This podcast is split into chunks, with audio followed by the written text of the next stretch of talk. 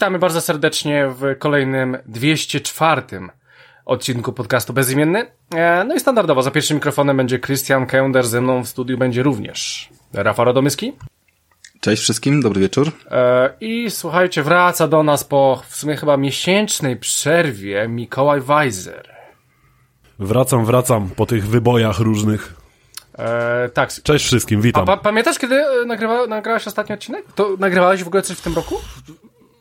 W tym, tak, jeden odcinek Aha. nagrywałem z wami, bo ja miałem takie przerwy, po prostu nieregularnie byłem, ale byłem, no cały czas gdzieś tam duchem obecny. No okej, dobra. E, więc słuchajcie, w pełnym składzie w końcu wjeżdżamy w luty, e, połowa lutego, bo dokładnie 15 luty, dzień po walentynek, e, po walentynkach, e, 21 wieczór. E, I słuchajcie, w tym odcinku powiemy sobie dzisiaj, miało być coś, ale chyba jeszcze nie jesteśmy gotowi, więc będzie coś innego. Ale będzie naprawdę coś dobrego. E, Sam jestem w szoku, jak dobre to jest. E, Słuchajcie, Rainbow Six Extraction.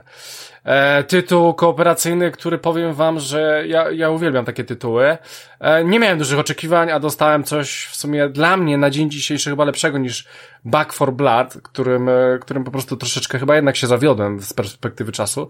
Więc to jest tematem głównym, o tym sobie powiemy. Grałem z Rafałem, grałem z Tomkiem, który pewnie to słucha. E, grałem sam dużo. E, Rafał nawet sam grał do piątej rano. Więc e, słuchajcie, powiem wam o dosyć ciekawym i bardzo interesującym tytułu, tytule, którego jak najbardziej polecamy. E, No i e, przechodzimy do naszego, e, do, do naszych e, gierek, do naszych filmów, więc może zosta- zostańmy e, w tych filmach. Wiem, Mikołaj, że byłeś w kinie. Byłeś w końcu w kinie. na walentynki byłem byłeś w końcu w kinie. w kinie. Tak, tak, tak, tak. Byłem na walentynki w kinie z towarzyszką, całkiem sympatyczną. Ej, to faktycznie było na walentynki? Tak, tak, 14. no wczoraj Aha. byłem. A co, co e, sala pełna? Znaczy ogólnie ludzi od groma pewnie w kinie. Nie, właśnie nie, stary. Sala była pusta w chuj. Z nami, bo my byli, byliśmy w ogóle w, tam na, na Sadybie u nas w Warszawie. Mhm.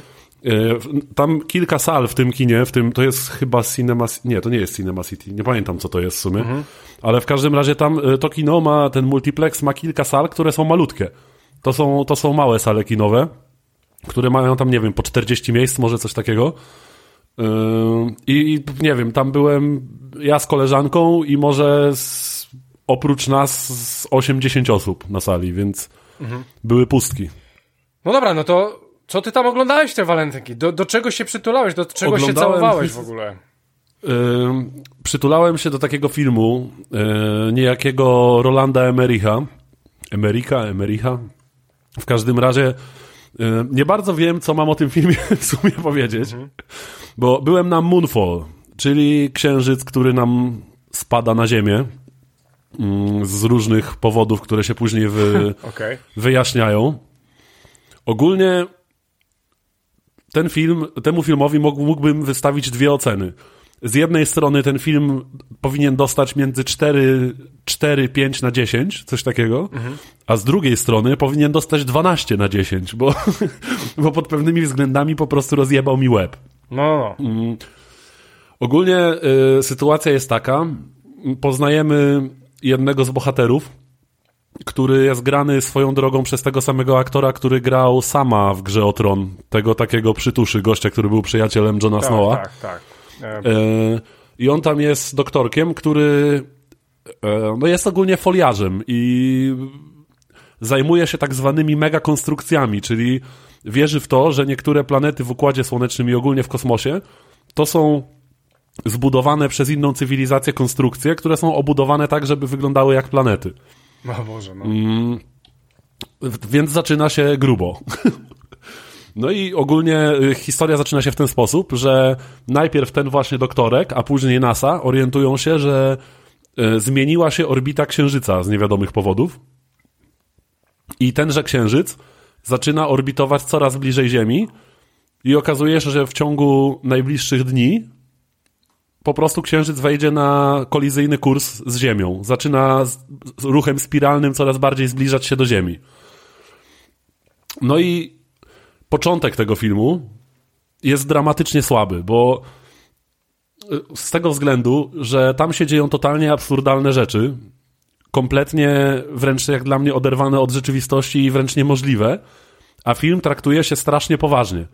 To nie jest właśnie. Ja szedłem trochę na ten film z nastawieniem, że to będzie coś jajcarskiego, tak naprawdę, gdzie będzie trochę jaj, a tymczasem film traktuje się śmiertelnie poważnie, a dzieją się tam rzeczy, których nie sposób jest traktować poważnie, więc y, generuje to naprawdę poważny dysonans poznawczy. Mm. Ale w pewnym momencie zaczynają się dziać niestworzone rzeczy, wjeżdżają naprawdę imponujące efekty specjalne, imponujące CGI, to trzeba, trzeba przyznać. I zaczyna się w tym filmie totalny rozpierdol. Yy, misja jakby, to, totalnie na wariata wysłana misja leci na ten księżyc. Nie chcę też wyspoilerować za dużo, bo jakby druga część tego filmu jest dużo lepsza niż pierwsza, kiedy tak naprawdę jakby wyjaśnia się, dlaczego ten księżyc de facto zmienił swoją orbitę i właśnie samo wyjaśnienie tego, dlaczego tak się stało, okazuje się jakby najciekawsze z tego całego filmu. Więc y, jakby mam bardzo mieszane uczucia, bo przez pierwsze powiedzmy pół godziny 35 minut. Musiałem wręcz, y, Olga, z którą byłem, tak samo walczyła ze sobą, żeby nie zasnąć, bo było naprawdę nudno, trochę żenująco i słabo. Ale w pewnym momencie, jak powiedziałem, ten film się rozbujał. Dostał takiego wiatru w żagle i zaczęły się tam dziać rzeczy totalnie niestworzone. Był tam totalny rozpierdol. Aż mówię, nie bardzo wiem, co mam o tym filmie powiedzieć, bo mam wobec niego tak bardzo mieszane uczucia. I koniec końców nie żałuję, że, że na niego poszedłem, bo popatrzyłem sobie na naprawdę fajne efekty i sama, sama rozkminka, geneza tego, dlaczego całe te wydarzenia w filmie mają miejsce, okazała się całkiem, całkiem fajna, całkiem ciekawa, oczywiście równie absurdalna jak cała reszta tego filmu, ale właśnie ta druga część już bardziej wpisywała się w konwencję tego, co tam się działo. Yy, ten cały absurd i film, który zaczął lecieć na złamanie karku, jeśli chodzi o tempo, zaczął po prostu mi się podobać. To, to jest film trochę z gatunku takich guilty pleasure, nie? Że trochę, trochę wstydzę się, że zacząłem się tak dobrze na tym filmie bawić w pewnym momencie. Ale ogólnie, jeśli ktoś e, nie, nie żałuje jakby pieniędzy, polecam zobaczyć, bo po przeboleniu tego naprawdę ciężkiego wstępu można się naprawdę fajnie bawić, jest taka trochę uczta dla oczu.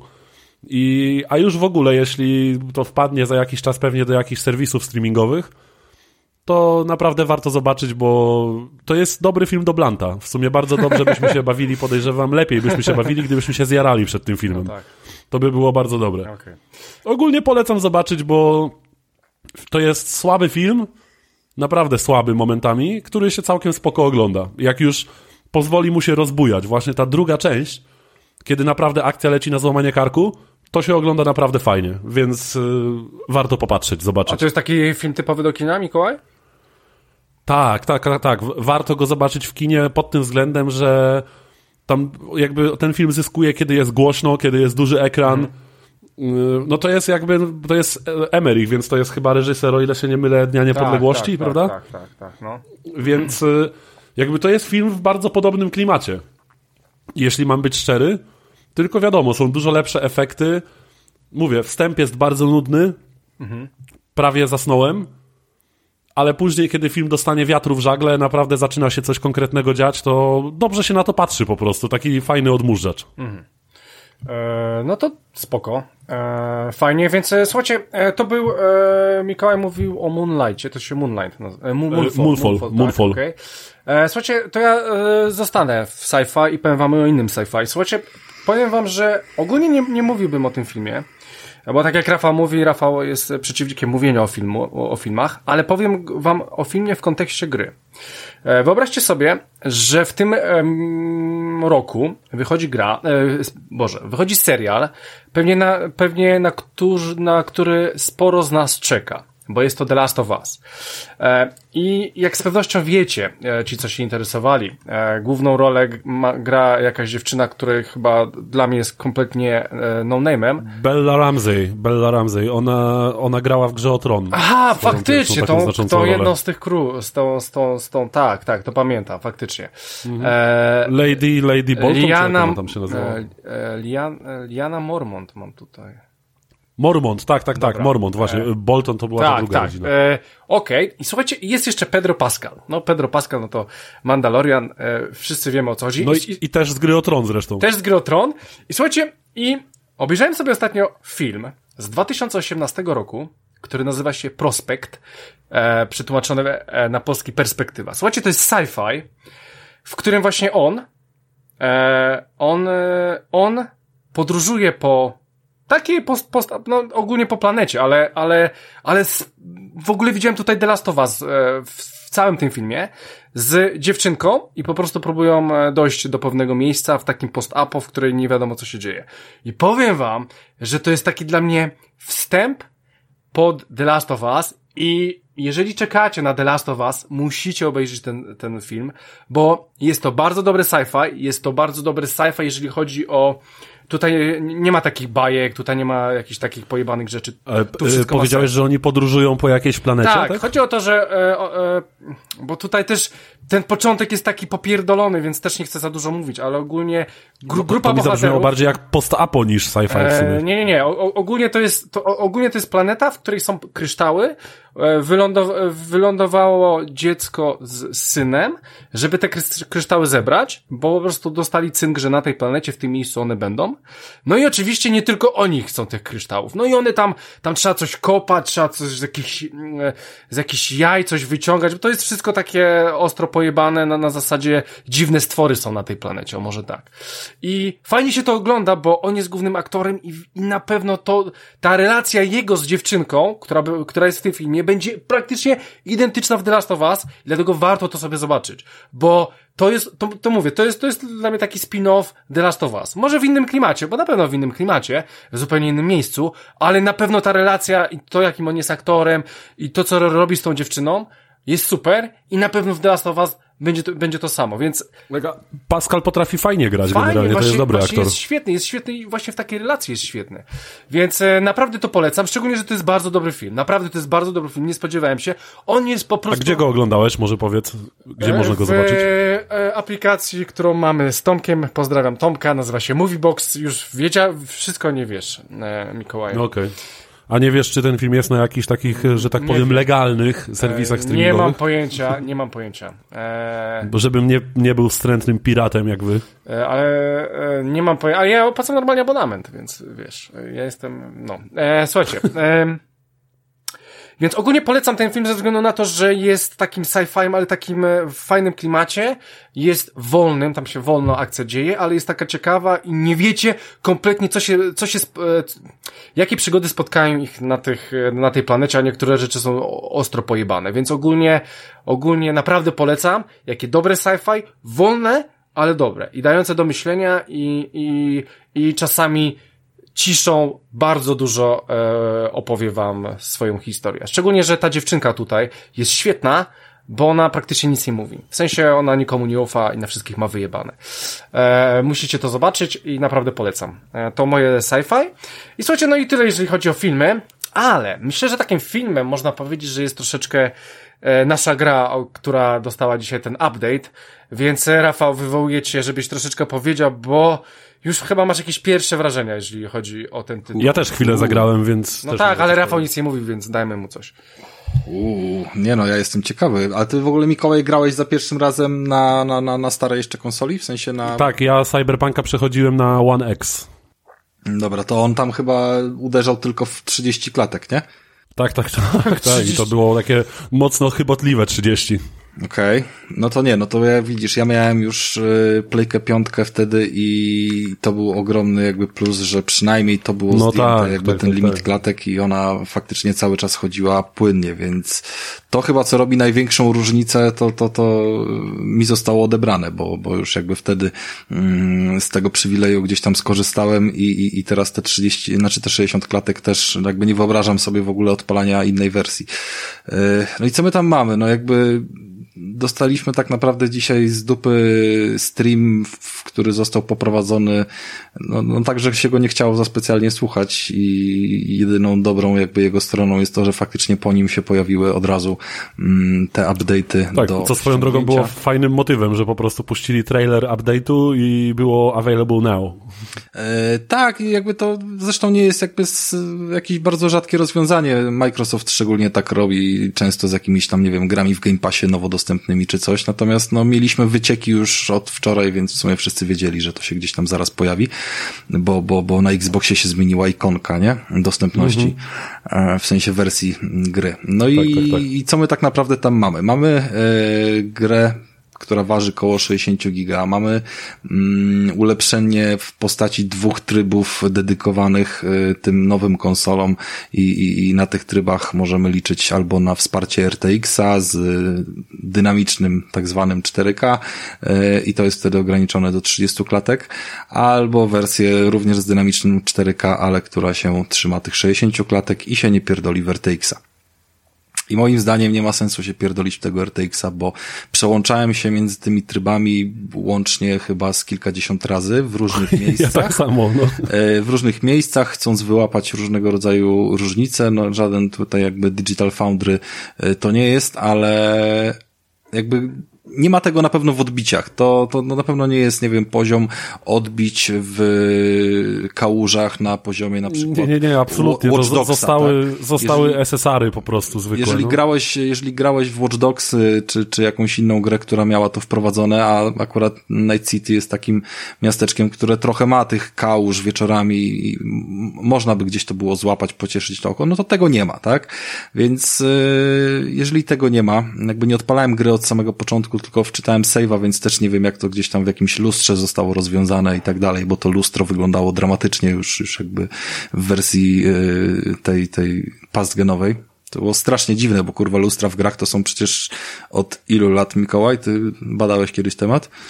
A, jakby pie, najstarsza gra, w jakiej zobaczyłem działające lustro, nie wiem na jakiej zasadzie ono było zrobione, to było jak zacząłem sobie ogrywać e, MGS-a, Metal Gear Solid na PlayStation 1.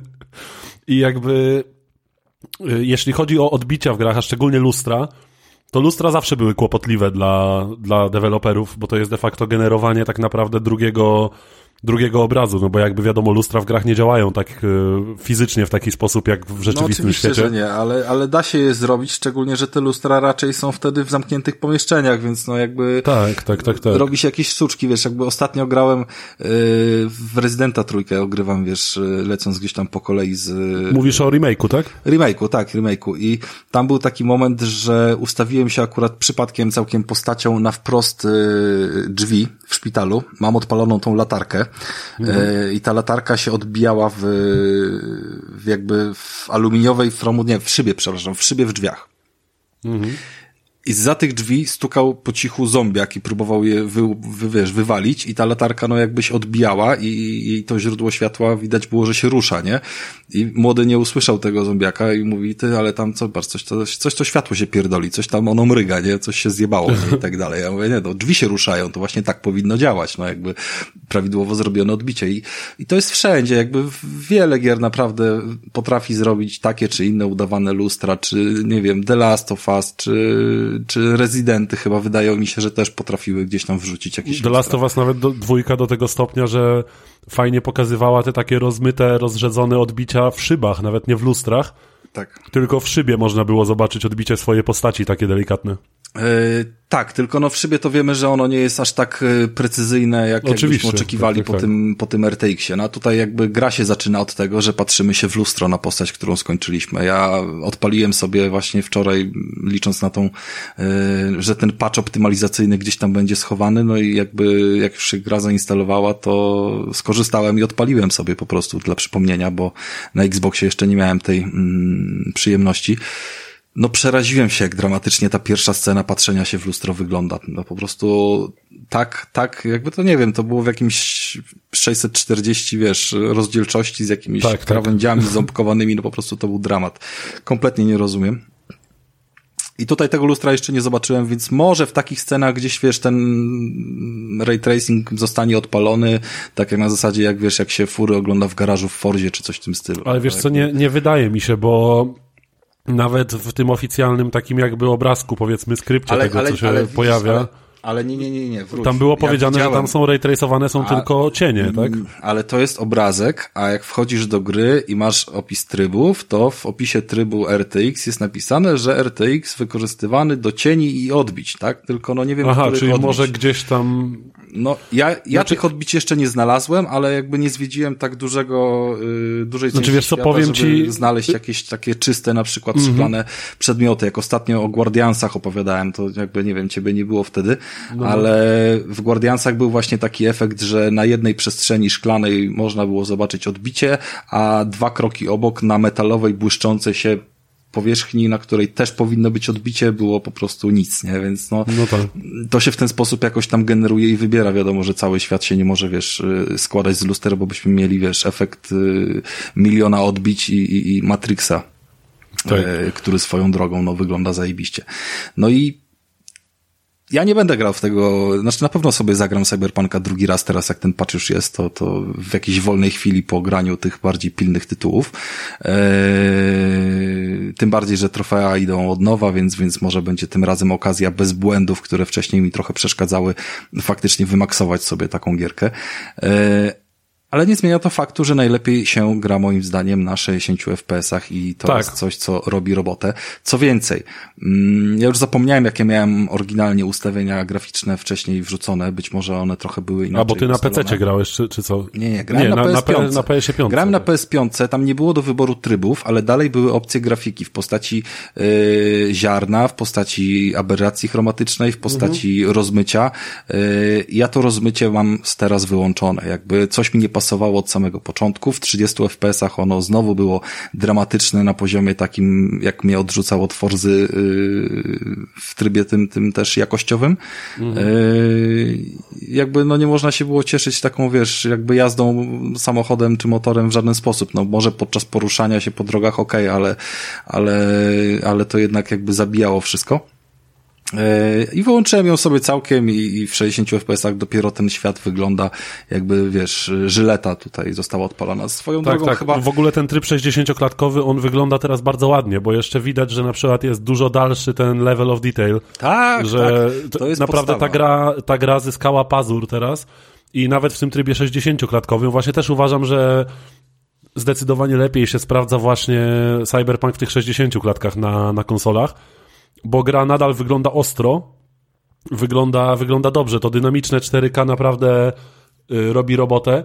I właśnie wrażenie na mnie zrobiło to, jak daleko widać ładne detale budynków. I y, sprawdziłem sobie właśnie, bo chciałem nawiązać do tych luster, o których mówiłeś, y, że sprawdziłem ten obiecany i dodany w tym patchu y, motyw, że można sobie zmieniać trochę wygląd postaci przy lustrze, że można zmieniać sobie y, fryzury, makijaż i, i tak dalej. Okej, to ja do mieszkanka Mm. nie pojechałem. Właśnie ja pojechałem od razu do mieszkania zobaczyć i co zauważyłem? Że dużo, dużo lepiej wygląda ta postać. Nawet w tym powiedzmy kreatorze ona ma po prostu ogromnie, więco, ogromnie większą ilość detali niż y, jak grałem w wersję pastgenową. Ta postać naprawdę wygląda teraz ostro, włosy No, mają wiesz, dużo lepiej wyostrzone krawędzie, włosy, zarost, nie? tekstury, wszystko, tak? Więc Nie, to no robi z robotę. Rzeczy, z takich rzeczy się na pewno cieszymy. Ja mówię o tych ustawieniach, dlatego tak trochę, mm, trochę chcę Krystianowi podpowiedzieć. No bo wiem, właśnie, że ale, ale ja, ja, nie, i- ja, ja nie jestem zwolennikiem czegoś takiego. Ja w ogóle... Ale jakby- Jak będziemy sobie jeszcze rozmawiać, nie w tym odcinku, ale na, prawdopodobnie w następnym, o Dying Light'cie, E, Ja mam 30 klatek. I nigdy w życiu nie wpierdolibym na przykład w Dying Light 60. Nie ma w ogóle takiej opcji. Co ty mówisz? Właśnie będzie- będziemy. Ja, ja, to, to jest tylko mały spoiler. Dobra, dobra, dobra, ale będziemy to o tym dyskutować. Dobra. Będziemy o tym dyskutować. Będziemy ale- gadać. Ale, ale, Będzie ale grubo. ja porównywałem, co tam się w ogóle dzieje, to, to dla mnie to jest przepaść graficzna. I powiem ci tak, nie wiem jak ten cyberpunk, bo mało mówicie o 30. E, raczej odpaliliście, a okej, dobra, z- e, małe zmiany, wracam do 60, bo jest płynnie i tak dalej, draw distance, okej. Ale nie, ja nie, chcę nie. więcej szczegółów tych Zasady. 30. Co tam jeszcze jest w tych 30? Więcej tego Ogólnie-. Bo wydaje ogólnie mi się, właśnie- że, że, że, słuchajcie, no jeżeli rezygnują z 60 klatek, no to kurwa z tych 30 chyba coś jest. No, Wydaje, wydaje wam się, że tam jest taki ray tracing, Tak. tra- ray Znaczy, wydaje mi się kompie? przede wszystkim, że tam, że w tym 30-klatkowym trybie, że tam jest natywne 4K. Ja, bo obraz wydawał mi się ostrzejszy, kiedy grałem w tych 30 klatkach teraz przez chwilę. Nie, No, masz, no. masz A napisane cienie, a- w, a ja- oficjalnym, w, w oficjalnym komunikacie masz napisane y, wyraźnie, że masz dwa tryby y, No tak. grafiki. A i Cytuję. oba są dynamiczne, zapewnia, tak? zapewnia płynną rozgrywkę 60 klatek z dynamicznym skalowaniem 4K No. oraz zapewnia fotorealistyczne cienie i te cienie faktycznie są ładne, tylko że jakby no, ja grałem akurat y, po ciemku i miałem kwestie różnego rodzaju świateł tam z samochodów, czy, czy z neonów, czy z czegoś. I... Co wygląda fajnie. No. To było spoko, wiesz, no bo jechałem na przykład motorem i mijałem różnego rodzaju oświetlenie, Dobra, wiesz, poczekaj. nad drogą i one się pojawiały przy motorze, wiesz, tak jak y, mijałem y, latarnię, tak? Raz Tak, z tak, lewej tak. strony, raz z prawej, to nie to, że się jakaś tam plama pod spodem wyświetlała, ale w trybie 60 klatek też te cienie się wyświetlały akurat Poczekaj, spoko. Wyświetlały e- się, daj mi dokończyć, No dobra, wyświetlały się y, to, o czym mówiłem przy Fordzie, że mi tak strasznie brakowało tego w, w trybie 60 klatek, że to było wyłączone.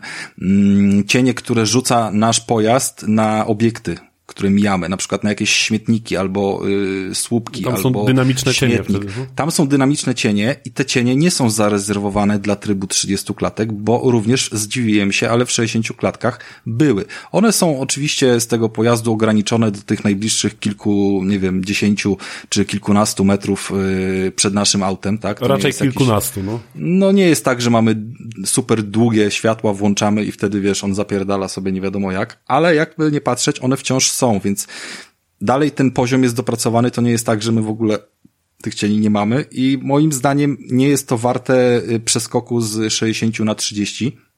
Nie ma informacji o tym, y, jak bardzo, wiesz, inne są wskaźniki y, jakiegoś tam pop-upu czy coś ustawione, ale ja nie zauważyłem dużej różnicy w tej konkretnie grze. Jest zapisane, że e- to, to jest tryb ray tracingu i zapewnia po prostu rendering odbić i cienie. Tak, Czy tak, Przy ale Teraz tak, poczekaj, poczekaj, Ja poczekajcie. jeszcze chciałem... No, no. Mów. E, bo chodzi mi właśnie o tej ray tracing. Słuchajcie, ja w tą grę nie grałem. Bierzcie pod uwagę, że ja w to w ogóle nie grałem. Ja chcę najlepsze doświadczenie, jakie może mi dać konsola e, na dzień dzisiejszy. Jak dzisiaj w ogóle kupiłem tą grę. Czekam aż przyjdzie z mapką fajnie. E, I Cyberpunk, z tego w ogóle, co widziałem, co znam Cyberpunka, na tyle ile znam, mam nawet książki, przy, przygotowuję się pod to, to tam są neony. Tam jest ten świat. tak. To wszystko się odbija przepięknie. I Tylko, dochodzą do tego tutaj- dodatkowe cienie. I Nie, słuchajcie, ale to jeżeli nie, do, nie doszliśmy tracing- do tego. Ray nie tracing doszliśmy mi do tego. wpierdoli jeszcze dodatkową opcję tego wszystkiego, tych wszystkich odbić tych jebanych neonów. Nie, ale pożegnaj się już z tym. Tego nie ma. To już No ci od właśnie, razu mówię, że to są nadal nie ma. te screen space reflections, to są cały czas te stare odbicia. Nie to, masz odbić y, takich, które dają, dałyby ci taki efekt y, szaleństwa świetlnego. Co więcej, y, HDR dalej moim zdaniem, on został niby poprawiony, ale moim zdaniem dalej nie działa tak dobrze, jak chociażby, nie wiem, w jakimś Uncharted, czy, czy wiesz, w grach, które po prostu bardzo się chciały pochwalić tym, y, tym HDR-em, kiedy wchodził, tak? I Szczerze mówiąc, HDR nawet w Strażnikach Galaktyki, gdzie również jakieś takie kosmiczne różne światła mieliśmy, znaczy światy i często tam było trochę, wiesz, y, ciemniej, ale właśnie jakieś neony oświetlenia, to bardzo było widać y, różnicę między ciemnym i jasnym y, ekranem, częścią mapy. Można było się, powiedzmy, że oślepić, można było się skryć, można było mieć efekt, że jest się w czarnej dupie, tak, za przeproszeniem. Natomiast Cyberpunk ma coś takiego, że on nie ma tej czerni. On cały czas jest gdzieś na jakby etapie takiego... Spektrum za... szarości cały czas, no? To jest spektrum szarości, tak jakbyś miał niesamowicie zabrudzone yy, światłem miasto, tak jak jesteś na przykład w Warszawie w zimę, yy, kiedy jest smog, kiedy tam jest tyle, wiesz, oświetleń, tam nie masz czerni, nie zobaczysz, yy, zawsze będziesz coś widział, bo taka jest łuna świetlna nad całym miastem. Być może to jest jakby specjalnie tego, jakby tym Tak, właśnie, to, to, może być kwestia atmosfery miasta po to prostu. To jest atmosfera nie? miasta i jakkolwiek byś tego HDR-u nie odpalił, możesz sobie, nie wiem, na minus totalny zjechać, wyłączyć HDR i na minus totalny y, zjechać w gammie, ja musiałem gammę zrobić na naprawdę duży minus, żeby zniknął mi ten obrazek, który tam jest pokazany, że ma być ledwo widoczny, tak? Bo te mhm. telewizory mamy jasne, Krystian.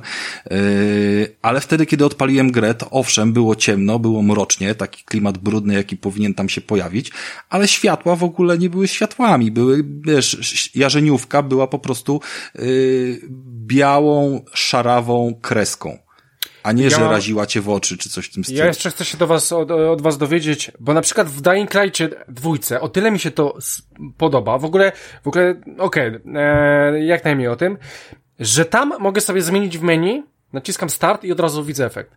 Czy tutaj też to samo mogę zrobić? W locie od razu nie muszę, nic tak, się nie tak, tak, w locie tak, nie masz, nie, masz po, nie masz ponownego wczytywania, ale nie jesteś w stanie tego zrobić yy, na ekranie jakby wyświetlanym gry, że sobie regulujesz suwaczek, że na przykład znaczy nie, no, sobie... zmieniasz jedną grafikę w drugą grafikę, tak? No chyba tylko to tak wygląda, tak? Tak, tylko, tak, że, tylko, że, cyber, tylko, że menu, menu zasłania ci, się... ci świat gry po prostu. Menu zasłania świat gry i tak naprawdę tam ci się wyświetlają obrazki. Tam ci się wyświetlają obrazki, tak jak nie wiem, w Asasynach masz czy coś. Przykładowe obrazki, na których powinieneś sobie dopasować, ale to jest zrobione źle, bo tak naprawdę tylko jeden suwak zmienia cokolwiek na tych obrazkach. Ale nie, on się pyta, on nie, on nie pyta się o HDR, tylko o tryby grafiki. O tryby grafiki. Czy na przykład Dobrze. widzę krzaczek, tak?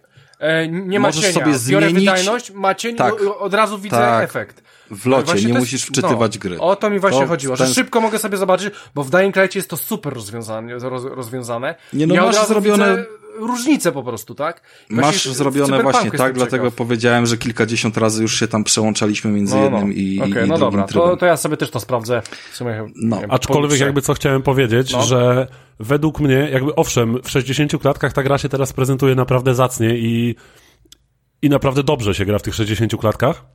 Natomiast w przeciwieństwie do Dying Light, o którym chcę jak najmniej teraz mówić. Nie mów. E, o ile tam dla mnie tryby 30-klatkowe są niegrywalne, bo, mhm. Mm, bo tam to, to nie jest 30 klatek. Dla mnie w Dying Lightie nie ma 30 klatek. Mhm. To nie trzyma 30. Mhm. Mm, natomiast tutaj jak odpaliłem ten 30-klatkowy tryb, on mi się wydał dużo płynniejszy niż w innych grach, które ostatnio grałem w 30 klatkach. Zgadzam się, on, jakby, jest, on jest sztywny. Tutaj jakby on jest sztywniutki. Nie, ma, znaczy, ja ma... nawet porzucałem granatami trochę, zrobiłem trochę rozpierdolu. On tam gubił pojedyncze klatki, jak najbardziej, ale ogólnie yy, uważam, że byłbym w stanie przejść w tych 30 FPS-ach całą grę bez, yy, bez bólu zębów, tak? Bo, bo mam wrażenie, że te 30 klatek właśnie w tym cyberpunku nextgenowym zostało przygotowane naprawdę dobrze i mam wrażenie, że ta y, ta, nawet ta dynamiczna rozdzielczość w 30 klatkach jest wyższa niż przy no, raczej 60. tak powinno być. No, tak, tak, ona jest wyższa, nie zobaczymy, ale więc obraz jest, sprawdzi. obraz jest ostrzejszy, mam wrażenie. I te 30 klatek w tym nextgenowym cyberpunku zostało przygotowane według mnie naprawdę dobrze i mam duży problem z decyzją. Te, tam, ja pograłem ile? Półtorej godzinki, niecałe dwie godziny przed podcastem. To ja powiem, ja powiem jaka moim zdaniem powinna być decyzja. Yy... Uważam, że gry, które stawiają na dynamikę w jakimkolwiek stopniu swojej rozgrywki, to po prostu 60 klatek będzie lepszym wyborem. Chyba, że jest spierdolone i wygląda wszystko wtedy jak na PS3. Tutaj nie wygląda jak na PS3 i jest wygląda bardzo dobrze. Bardzo wysoki poziom więc y, jakby nie tracimy dużo, przełączając się na ten tryb 60 klatek. Tutaj nie ma poziomu, że to spada do y, Full HD, tak jak y, w Strażnikach Galaktyki było. Albo w Dying Light'cie. Albo w Dying Light'cie, no więc jakby nie boli aż tak bardzo. Ta decyzja. Ja grałem całe to pierwsze przejście gry takim y, buildem postaci, która była bardzo zwinna, bardzo stawiała na walkę wręcz, na wykorzystanie tych swoich jakichś tam ostrzy modliszkowych i tak dalej i bardzo mało korzystała z broni, ale miała podwójne skoki, była dynamiczna, podlatywała do wrogów jak pojebana i dla mnie to był właśnie tego typu slasher. Więc jak nie wyobrażam sobie robienia tego w 30 klatkach, to było właśnie jakby tym decyzja podyktowana.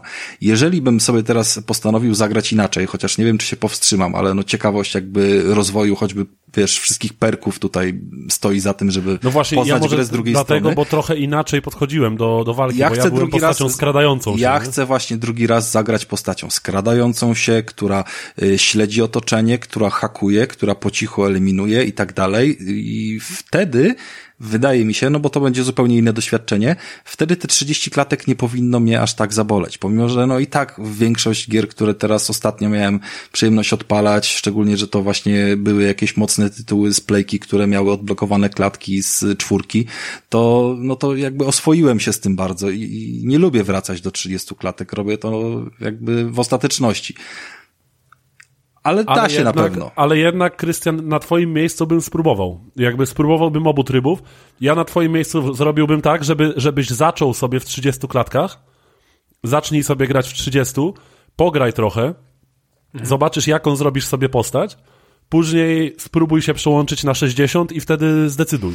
Wiesz, jeżeli Eee. on w Dying Lighta gra w 30, no to jest w stanie, jakby myślę, że nie będzie go tam nic jakoś Tak, e, d- blokowało wewnętrznie. nie? Tak, tak, Powiem Rafał ma rację. Jeśli, jeśli w Dying Lighta grasz w 30, to w Cyberpunka zniesiesz to dużo lepiej, bo te 30 klatek naprawdę robi robotę, bo jest, jest bardzo dobrze przygotowane. Ja kompletnie nie miałem takiego wrażenia jak w Dying Lightcie, że gra mi się przycina wręcz. Tutaj jest naprawdę płynnie, ładnie i przyjemnie w tych 30 klatkach, więc myślę, że warto spróbować właśnie z włączonym ray tracingiem. Szczególnie jeśli będziesz grał postacią, która się będzie więcej skradać, może wtedy te cienie jeszcze bardziej spotęgują ci klimat, ten ray tracing No cały będzie i kiedy tak się dalej. przyjrzeć temu przede wszystkim, tak? Dokładnie, bo, bo dokładnie. To jest jakby tego typu efekt. E, Ja tylko powiem, że naprawdę uważam w kontekście ustawień takich e, typowo do odbioru gry, to też przedyskutowaliśmy przy okazji premiery z e, Tomkiem, że ten blur naprawdę tutaj nie wygląda jakoś super dobrze, nie jest super potrzebny i szczególnie jeżeli przeskakujemy szybko z postacią schodzenia do poruszania się pojazdami, które no potencjalnie zapierdalają szybciej niż płotka w Wiedźminie, y, to, to jednak ten blur robi trochę już za dużo zamieszania. I, I w tych 30 klatkach y, potrafi wkurwiać, a w 60 no też jakby nie jest jakiś tam idealny. Więc dobrze, że można go wyłączyć. Polecam sprawdzić taką opcję, bo ja również w Wiedźmina trójkę grałem z wyłączonym blurem od pewnego ja, ja momentu. w wielu grach wyłączam w ogóle blury. Dokładnie, no jakby to, to, To jest... one potrafią być dezorientujące mocno. Nawet z Agatą jak grałem, ona stwierdziła, że jak ja się szybko obracam czasem gdzieś tam kamerą, to Zgadza nawet w się. grach, w których jest dość łatwa orientacja w terenie, to nagle ten blur sprawia, że Agata nie wiedziała, w którą stronę ja patrzę tak naprawdę, gdzie ja się Zgadza się, zgadza się, bo każdy gra inaczej, jakby, wiesz, 99% czasu spędzam przed konsolą sam, ale tak jak mówiłem, że, że chociażby w tego rezydenta gram z y, młodszym, który jest na, y, no typowym pecetowcem, to mi się robi niedobrze, jak on trzyma pada od rezydenta, bo on nie porusza się płynnie, od czego służy analog, tylko tak jakby strzałkę wciskał po prostu, jakby na, no na tak. okulusie się, wiesz, teleportował o 45 stopni w prawo. Jep, jep, jep, jep, jep, wiesz, i, i wtedy po prostu pierdolca można dostać, nie? I blur na pewno w tym nie pomaga jeszcze w odczuciu, więc jeżeli ktoś ma trochę inny styl grania, bo jakby on nie widział niczego złego w tym, że tak gra, yy, no to, to, to, to tym bardziej polecam wyłączyć, nie? Ja jeszcze e, miałem do was dwa pytania. E, Pierwsze pytanie to jest takie, czy jak odpaliliście po tej aktualizacji tego cyberpunka, to od razu widzieliście, że wow, że od razu już jest, e, że widzicie... Wow, wow może nie Znaczy, było, ale była różnica. Jakby od razu zauważalna na pierwszy rzut oka różnica jest, Mhm. więc jakby widać w tym patchu napracowanie. Co, Widać, no, że oni się ja- przyłożyli do tego. To, to ja miałem save'a, tak? Ja odpaliłem save'a, od razu byłem na jakimś skrzyżowaniu, od razu na tym skrzyżowaniu był duży tak. ruch, od razu dostałem jakieś wiadomości, zapipczał mi, wiesz, głośniczek w padzie, bo, bo, bo podpieli tam DualSense'a, wiesz, do obsługi i tak dalej. Więc dało się zauważyć te różne różnice i taki ogólnie przyjemniejszy odbiór gry.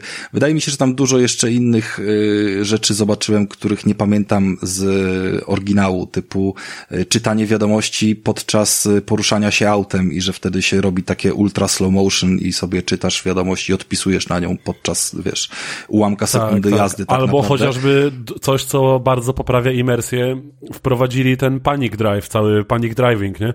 Że w końcu ludzie na ulicy reagują na to, jak wystrzelisz pistoletem gdzieś obok. No niektórzy tak, się kulą, tak. niektórzy zaczynają uciekać, kierowcy zaczynają staranować inne pojazdy, bo próbują uciec. Tego Zgadza typu rzeczy się, się pojawiły. No, wiadomo, no to, to już poprawiali, wiesz, my nie graliśmy to przez cały rok, tych patchów było z poprawkami, y, można rzec śmiało, że tysiące, bo, bo ta tak, lista tak, zmian tak. jest bardzo duża. Y, mieli dobić podobno do 2077 i możliwe, że się udało teraz z tym 1.5 patchem, y, bo pierwszy tysiąc na pewno był przekroczony.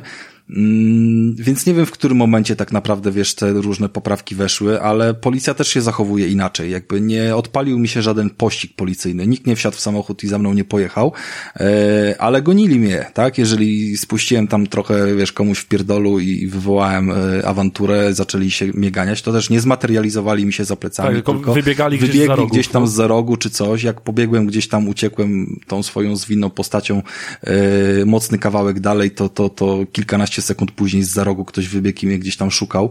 E, jak uciekłem motocyklem, przejechałem ze dwie przecznicy, to był komunikat radiowy, wiesz, i na następnym skrzyżowaniu policja stojąca też zobaczyła, e, to ten, co ucieka, wiesz, gdzieś tam i tak dalej, więc to nie było tak, że typowe gwiazdki z GTA się zapaliły, bo jakby nie dostrzegłem ich, ale jednocześnie wciąż byłem poszukiwany, nie?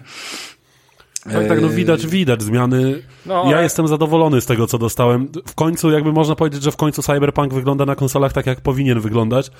I można teraz w końcu tę grę doświadczać tak, jak powinno się jej doświadczać. pamiętajmy, prostu... pamiętajmy o jednym i o tym, co mówiłem już przy samej premierze. Nie traktujmy Cyberpunka jak y, RPGową wersję GTA. Traktujmy Cyberpunka jak... Jako y, Cyberpunka, no. Jak, jak inną wersję Wiedźmina, bo to w ten sposób należy na to patrzeć. I jakby to jest te założenia gry, to ci ludzie robili tą grę i jakby te założenia są tutaj przełożone, tak? Po prostu w, zadaptowane w większości, dużo jakby nowych rzeczy musieli wymyśleć, ale to nie znaczy, że od razu ta gra ma być, wiesz, open worldem jak GTA 5, którym można zrobić wszystko, a jak nie można, to do śmietnika, nie? Tak, tak, dokładnie.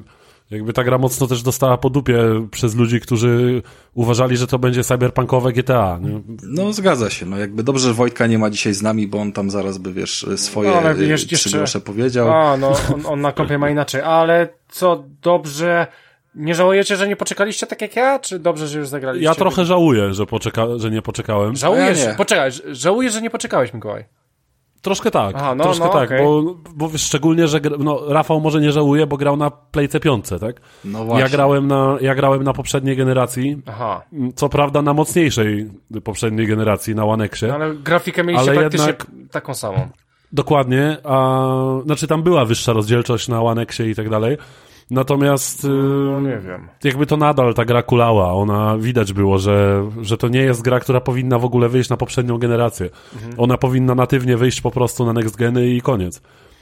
Mhm. Ja nie, żałuję, ja nie żałuję, bo uważam, że dzisiejszy odbiór tej gry po jakby ilości gówna wylanego na nią przez cały rok jakby mocno narzuca negatywny odbiór mnóstwa kwestii i, i myślę, że Krystian nie będzie w stanie się oprzeć od skojarzeń Oczywiście, na różnych nie. etapach, ja... że, że, że po prostu coś go tutaj wkurwia i gdzieś o tym kiedyś słyszał, nie? Ja myślę, że, znaczy to, to zresztą widać, że no tak gra wyszła chyba o rok, rok za wcześniej, tak. Tak, tak, tak, Szczególnie, że taka aktualizacja, no kurwa, żeby aktualizować grę na nowe konsole przez tyle czasu, no to, no to chyba to o czym świadczy, tak?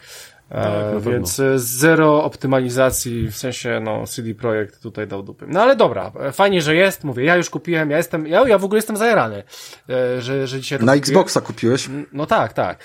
Więc ja jestem zajarany i po prostu nie mogę się doczekać, kiedy wiedzie, nie? Tak, no. bo jakby Dla mnie to- zazdroszczę to ci jest- trochę, że, dla że mnie to nie grałeś, gra, bo to nie? jest piękna No. przygoda, to jest wspaniała historia i fajnie, fajnie, że doświadczysz jej pierwszy raz jakby w sensownych warunkach, tak? Mhm. Które nie będą ci psuć odbioru całości. No tak. E, To dobra. jest, to jest no. zawsze duży plus. No ja też po, po tych kończeniu ostatnim i Death Stranding i The Last of Us 2 i Days Gone i Horizon y, Zero Dawn tak naprawdę wszystkie w ciągu ostatniego półrocza weszły. Wszystkie miały zdjęte limity klatek i, i, i sobie po prostu chodziły tak jak były wydane, tylko w tej wersji no lepszej, no bo ja miałem bazową PS4, więc one chodziły tak jak pod Pro i no i to jest fajne, żeby przechodzić grę w tej lepszej opcji, tylko Możliwie że... najlepszej. Tylko, że żadna z nich nie miała takiego hejtu. No chyba Days Gone było najbardziej na premierę yy, zbagowane, żeby dostawać trochę shitu, ale potem, potem urosło do rangi wręcz jakiegoś tam kultowego tytułu, nie? Ale to wiesz, ale to jeszcze e, bardziej też oczekiwania, Rafał, nie? Wydaje mi się, że No po, tak. po cyberpunku, no to, to Cyberpunk ogromne. Nie, no oni, oni, oni nahypowali A tak Days mocno, Gone że... to, no, no, a Days Gone, no to, no, co, co Tylko dalej, dalej uważam, że historia, jakby Cyberpunk stoi mocno No, no. historią, mocno dialogami. W ten świat trzeba tak. się pozwolić wciągnąć. Jakby jeżeli, jeżeli teraz w Dying Light'cie macie jakiekolwiek tematy, problemy z dialogami, tym jak są prowadzone i, i wiecie, jak, jak wyglądają te rozmowy, tak, jak brzmią i jak w ogóle zostały napisane i co to za głupie pomysły. No to Cyberpunk pod tym względem jest po prostu jest sztosem mnie ma, i do jest dzisiaj jest, jest niedościgniony. względami. W ogóle to jest chyba, rozmawialiśmy o tym, tak? Pierwszy raz możliwość takiego półinteraktywnego uczestniczenia w tych y, rozmowach, że sobie tam chodzisz po pomieszczeniu, ale dalej gadasz, możesz się tam rozglądać. Siadasz, łapiesz drinka, coś. Tak, ta postać coś tam robi w międzyczasie i nie jesteś przyklejony jak słup właśnie w takim, wiesz, charakterystycznym RPGowym klimacie, jak, jak z Mass Effecta, nie? Więc spoko, fajnie, cieszymy się, Krystian, czekamy na najbliższe pół roku na recenzję. Nie, no nie, Tak, ja, ja nie Szczególnie, będę... że mówię, ja się cieszę, bo po prostu widać, że ta aktualizacja, że oni w nią włożyli sporo pracy Mhm. i dwa tryby graficzne, które są grywalne i wyglądają oba bardzo dobrze. Więc yy, w końcu, w końcu no doczekaliśmy się Cyberpunka. Mam wrażenie, że dla wielu osób, tak jak dla ciebie, Krystian, to będzie trochę taka druga premiera tej gry, więc Tak, nie, to, to e, będzie trzymamy premiera, to, kciuki. to będzie premiera. To, trzymamy kciuki, żeby po prostu jak najwięcej ludzi dzięki tej aktualizacji, właśnie jaka by ona nie była, a jest według mnie dobra, chociaż przez te półtorej godziny udało mi się raz grę skraszować do pulpitu, mm, to mimo wszystko jakby ja się po prostu cieszę i trzymam kciuki, żeby jak najwięcej ludzi mogło tej magii cyberpunka zakosztować i żeby zobaczyli w tej grze to, co jest z niej najlepsze, czyli niesamowicie genialnie napisane postaci, fabuła, cała historia tej gry, w którą można wsiąknąć i autentycznie się nią przejmować. No i świetnie Więc jakby- zrobiony świat, który naprawdę Dokładnie. czuć, że w tym świecie jesteś i że tam wszystko Pięknie wykreowany sobą... świat, więc trzymamy kciuki. No, ja jestem zadowolony z tej aktualizacji. Na pewno jeszcze będę miał coś do powiedzenia, jak po, powiedzmy, jak nadrobię wszystkie moje zaległości. Ja chcę jeszcze raz to przejść, bo mnie ciągnie do tego świata zwyczajnie. E. I, I z przyjemnością do niego wrócę, więc trzymamy kciuki za Cyberpunka w dalszym ciągu. E, Dobra, słuchajcie, więc e, mówiliśmy teraz o dużym e, tytule z dużą aktualizacją, w sumie chyba na którą wszyscy czekali, łącznie ze mną. E, Więc może teraz skupmy się na jakichś e, małych tytułach. E, Pod nieobecność Mikołaj testował dwa indyki. Mikołaj, powiedz na razie o jednym indyku, bo nie wiem, czy będzie czas, żebyś powiedział o dwóch. Więc O którym chcesz, żebym obojętne, powiedział? no to, mi. no, to ty, no to nie wiem, no może być to drugie, bo widziałem, że w to drugie cały czas napieprzałeś. Tak, tak, tak. Mm. Jest gierka, która mnie bardzo zaskoczyła. Jest dostępna w Game Passie i to jest Supraland. I jakby warto sobie spojrzeć, bo ta gra ma po prostu przytłaczająco zajebiście pozytywne recenzje na Steamie. Ona ma w ogóle jakąś chorą średnią ocen na, na poziomie 94%, O. gdzie ja byłem aż zaskoczony i odpaliłem sobie tę grę. Gierka polega na tym, mm, że wcielamy się w postać takiego piankowego ludzika, mm, który to ludzik porusza się po, mam wrażenie, makiecie, to jest ogromna makieta, w ogródku jakiegoś dzieciaka i y, gra się y, rozgrywa z perspektywy pierwszej osoby i nawet gdzie niegdzie chodząc po tej makiecie możemy wypatrzeć tego dzieciaka, który patrzy na tę makietę jakby się bawił w jakieś, w jakieś figurkowe RPG. I więc jakby graficznie gra w ogóle y, prezentuje się bardzo ładnie. Jakby tam nie ma jakichś wielkich graficznych wodotrysków, są, jest zastosowanych dużo blurów, ale nie mam na myśli motion blura, że wszystko się rozmywa jak się ruszasz, mhm. tylko że są zastosowane rozmycia jakby jeśli chodzi o głębię, perspektywę, tak? I tam są bardzo niskiej jakości tekstury, obiekty nie są jakieś super szczegółowe, ale ta gra ma swój graficzny styl i prezentuje się naprawdę ładnie. I ten świat właśnie, po którym się poruszamy, ta cała makieta, w linii prostej, wszystkie, bo to jest otwarty świat w ogóle, tak? I w linii prostej te wszystkie miejsca w tym otwartym świecie, one są od siebie śmiesznie blisko. To jest dosłownie, powiedzmy, miasto, w którym zaczynamy i lokacja, w którym będziemy za 6 czy 7 godzin gry jest oddzielona od nas wręcz jednym klifem tak naprawdę. Więc w linii prostej to są bardzo małe odległości. Ale przez to, że gra jest fantastyczną mieszanką Metroidvanii z RPG-iem, nagle droga do bardzo wręcz widocznego dla nas często miejsca, do blisko położonego miejsca, potrafi nam zająć dobre kilka godzin, bo dopiero po drodze zyskujemy narzędzia, które pozwolą nam się tam dostać. I to jest piękne, bo w tym małym świecie mamy wrażenie uczestniczenia w absolutnie epickim, zajebistym questie. Mm. Ogólnie gra jest grą wręcz momentami logiczną, dość mocno zręcznościową, ale powiedzmy 80% czasu spędzamy na rozwiązywaniu y, zagadek środowiskowych, które to zagadki są zaprojektowane w sposób absolutnie fenomenalny. To jest po prostu coś pięknego, jak ta gra angażuje wszystkie twoje zmysły. Trzeba się wykazać czasem zręcznością, ale przede wszystkim spostrzegawczością, pomyślunkiem, kombinowaniem. W tej grze nie ma złych rozwiązań, jakby powiedzmy konkretnej zagadki może być jedno tylko rozwiązanie, że musimy wykorzystać jakieś narzędzia w konkretny sposób, ale często dostanie się do tej zagadki, kombinowanie, to jest piękne, jak ta gra jest otwarta, jest niesamowicie wciągająca. Po drodze dostajemy do dyspozycji najróżniejsze narzędzia, które są genialnie zaprojektowane. Każde narzędzie, które dostajemy w swoje ręce, diametralnie zmienia nam grę, bo nagle mamy poszerzony zestaw ruchów, możemy wykonywać kompletnie odjechane czynności. Nie chcę spoilerować za dużo, bo samo odkrywanie rzeczy, które tam możemy zrobić, jest po prostu clue tej, tej całej zabawy. Mm, ogólnie fabuła jest taka, że my jesteśmy czerwonym piankowym ludzikiem i w naszej osadzie skończyła się woda. I zostajemy przez naszego ojca, czyli króla naszej osady, wysłani na questa, żeby odzyskać tę wodę. I okazuje się, że tę wodę odcięli nam ludzie, ludziki, którzy są niebieskimi piankowymi ludzikami i wchodzimy z nimi w różne interakcje i właśnie wyruszamy na tego questa w celu porozmawiania z królem niebieskich ludzików, żeby odzyskać wodę w naszej osadzie. I właśnie ten quest przeradza się w epicką podróż przez całą tę makietę, przez cały ten świat podczas której wykorzystujemy właśnie wszystkie zdolności, które nabywamy. Naprawdę warto zagrać w tę grę, bo ja za gatą w nią, w nią grałem i oboje się wkręciliśmy niesamowicie.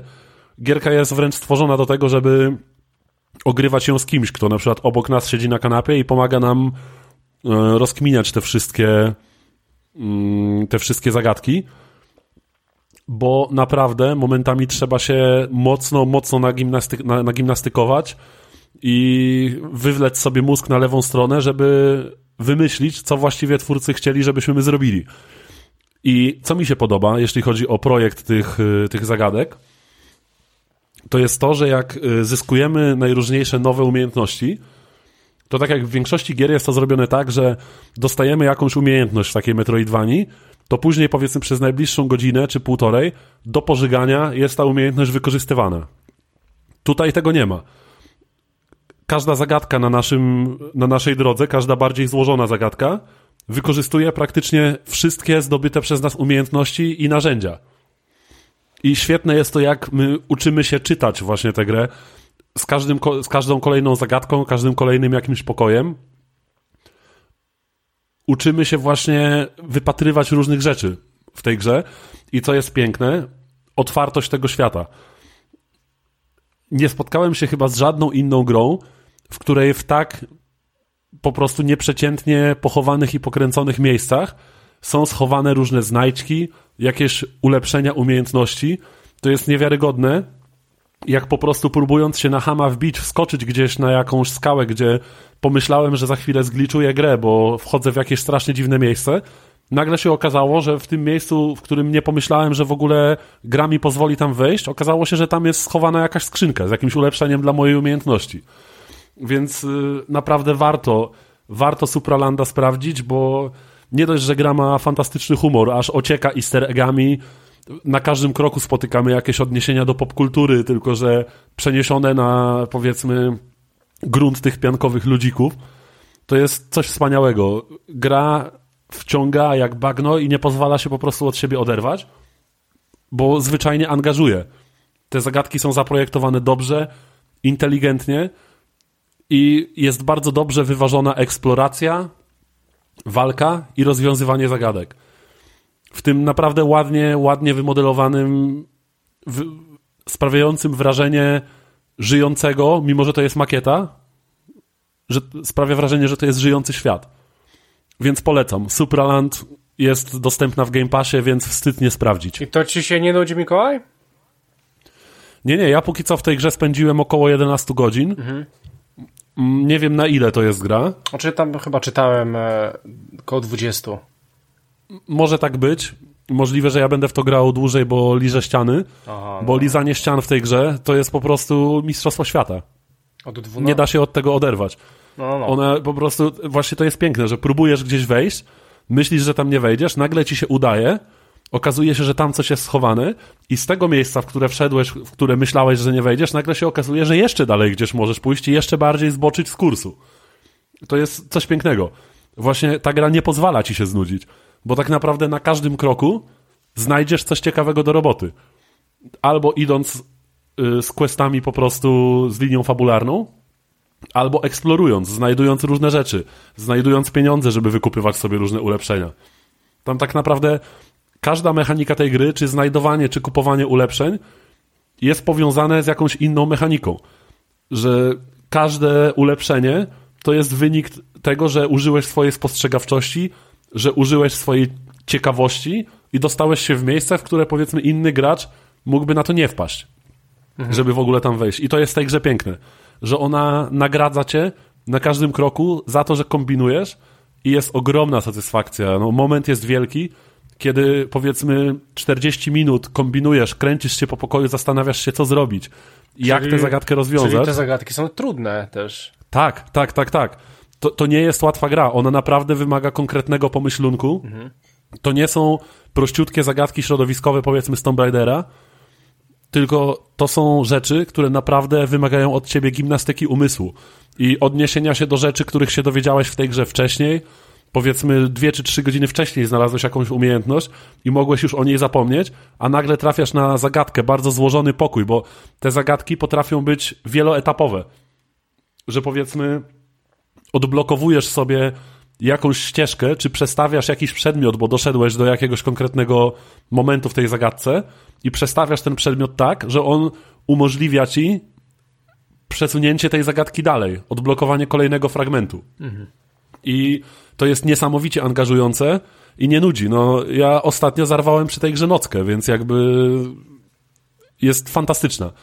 Naprawdę polecam. Supraland grzech nie sprawdzić, szczególnie, że jest w Game Passie. No jest spoko. E, wydaje się bardzo fajna. E, mechanika też jest spoko. Ale ty, ty mówisz, że grałeś z kimś, ale to chyba jest gra tylko na jednego gracza. Tak, tak, tak. Jakby bezpośrednio jest dla jednego gracza, ale na zmianę. Rewelacyjnie się sprawdza jako gierka do siedzenia we dwójkę po prostu przed konsolą mm -hmm, i okay, wspólnego okay, rozkminiania okay. tych dobra, zagadek. Dobra, Szczególnie, że one są złożone, one często się opierają na przykład na przewodzeniu prądu, że trzeba jakiś przedmiot postawić w konkretnym miejscu, żeby złapał iskrę, żeby przepuścił ją gdzieś dalej. Trzeba wykorzystywać otoczenie, bo ma znaczenie z jakiego materiału są y, stworzone rzeczy, po których się poruszamy. Mhm. W pewnym momencie dostajemy na przykład pasek, który pozwala nam lewitować przy metalowych obiektach, co jak w prawdziwej Metroidvanii pozwala nam wrócić na przykład do poprzednio odwiedzonych miejscówek mhm. i na przykład widzimy, właśnie fajnie jest zrobiony ten świat, że to jest makieta i widzimy, widzimy na przykład urwaną, urwany kranik jakby od odkręcania węża ogrodowego, nie? Taki, taką klamkę powiedzmy metalową która jest wbita gdzieś w piach w tej makiecie i tam jest jakaś półeczka, na którą wcześniej nie mogłem się dostać, ale teraz mam już tę klamrę, która umożliwia mi lewitowanie przy metalowych obiektach i ja teraz nagle tam mogę wejść i odblokować sobie jakąś kolejną lokację całą.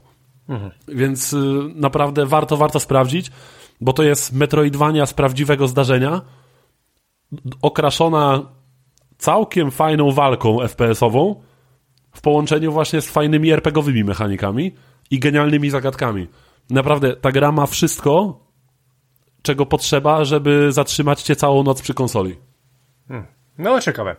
E, dobra, e, więc e, to tyle, jeżeli chodzi o tą gierkę, e, więc e, przejdźmy do szczurów. Rafał, chciałeś troszeczkę powiedzieć o szczurach. W, w ogóle, jakim cudem jest, że my w ogóle nie gadaliśmy o tej grze? Ona jest już od, od nie wiem, od roku na Game Passie i ja cały czas mam ją zainstalowaną i nawet ani razu do niej nie podszedłem, a wiem, że jest, że mogłaby mi się spodobać, bo ja bardzo lubię takie skradanie. Eee... Bo ja chyba, ja chyba znam odpowiedź, wiesz, no. bo ten tytuł nie przyciąga swoją obrazowością. Trzeba, trzeba mieć odrobinę samozaparcia, żeby w nią wejść. Tam się historia na początku delikatnie, wiesz, rozwija.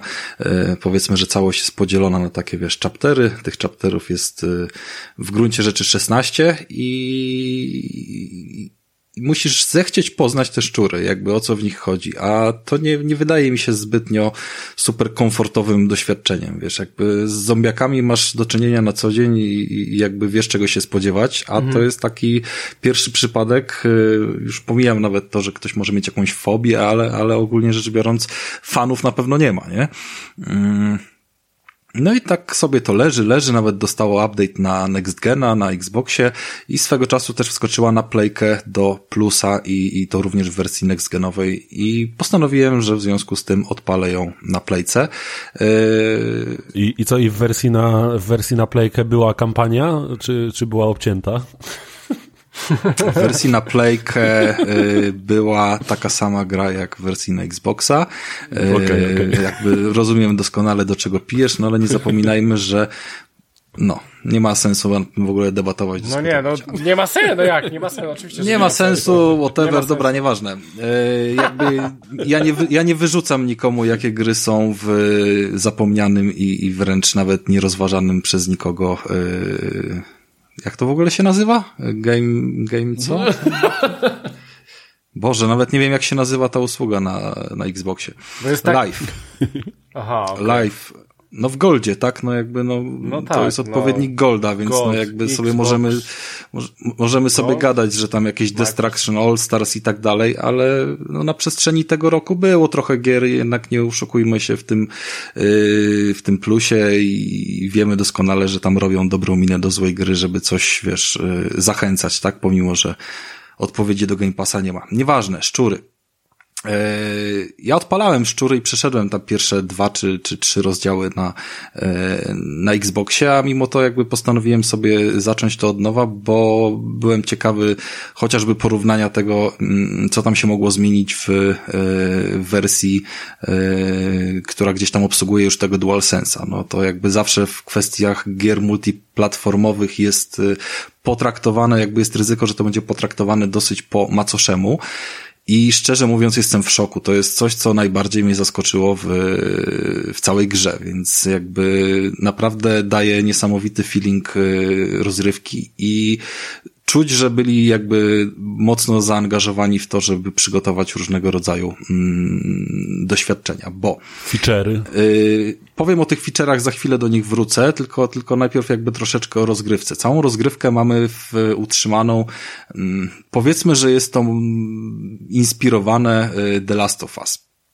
Biegamy sobie y, starszą siostrą, a obok nas biega niesterowalna postać w postaci młodszego brata. I tenże braciszek, no co najwyżej możemy mu wydać polecenie, żeby został w miejscu i oddalić się na chwilę samemu, ale nie za daleko. Y, a ogólnie jak biegamy z nim, to, to wiadomo, troszeczkę przy skradaniu jesteśmy mniej zwinni i jest jakimś tam delikatnym dla nas balastem.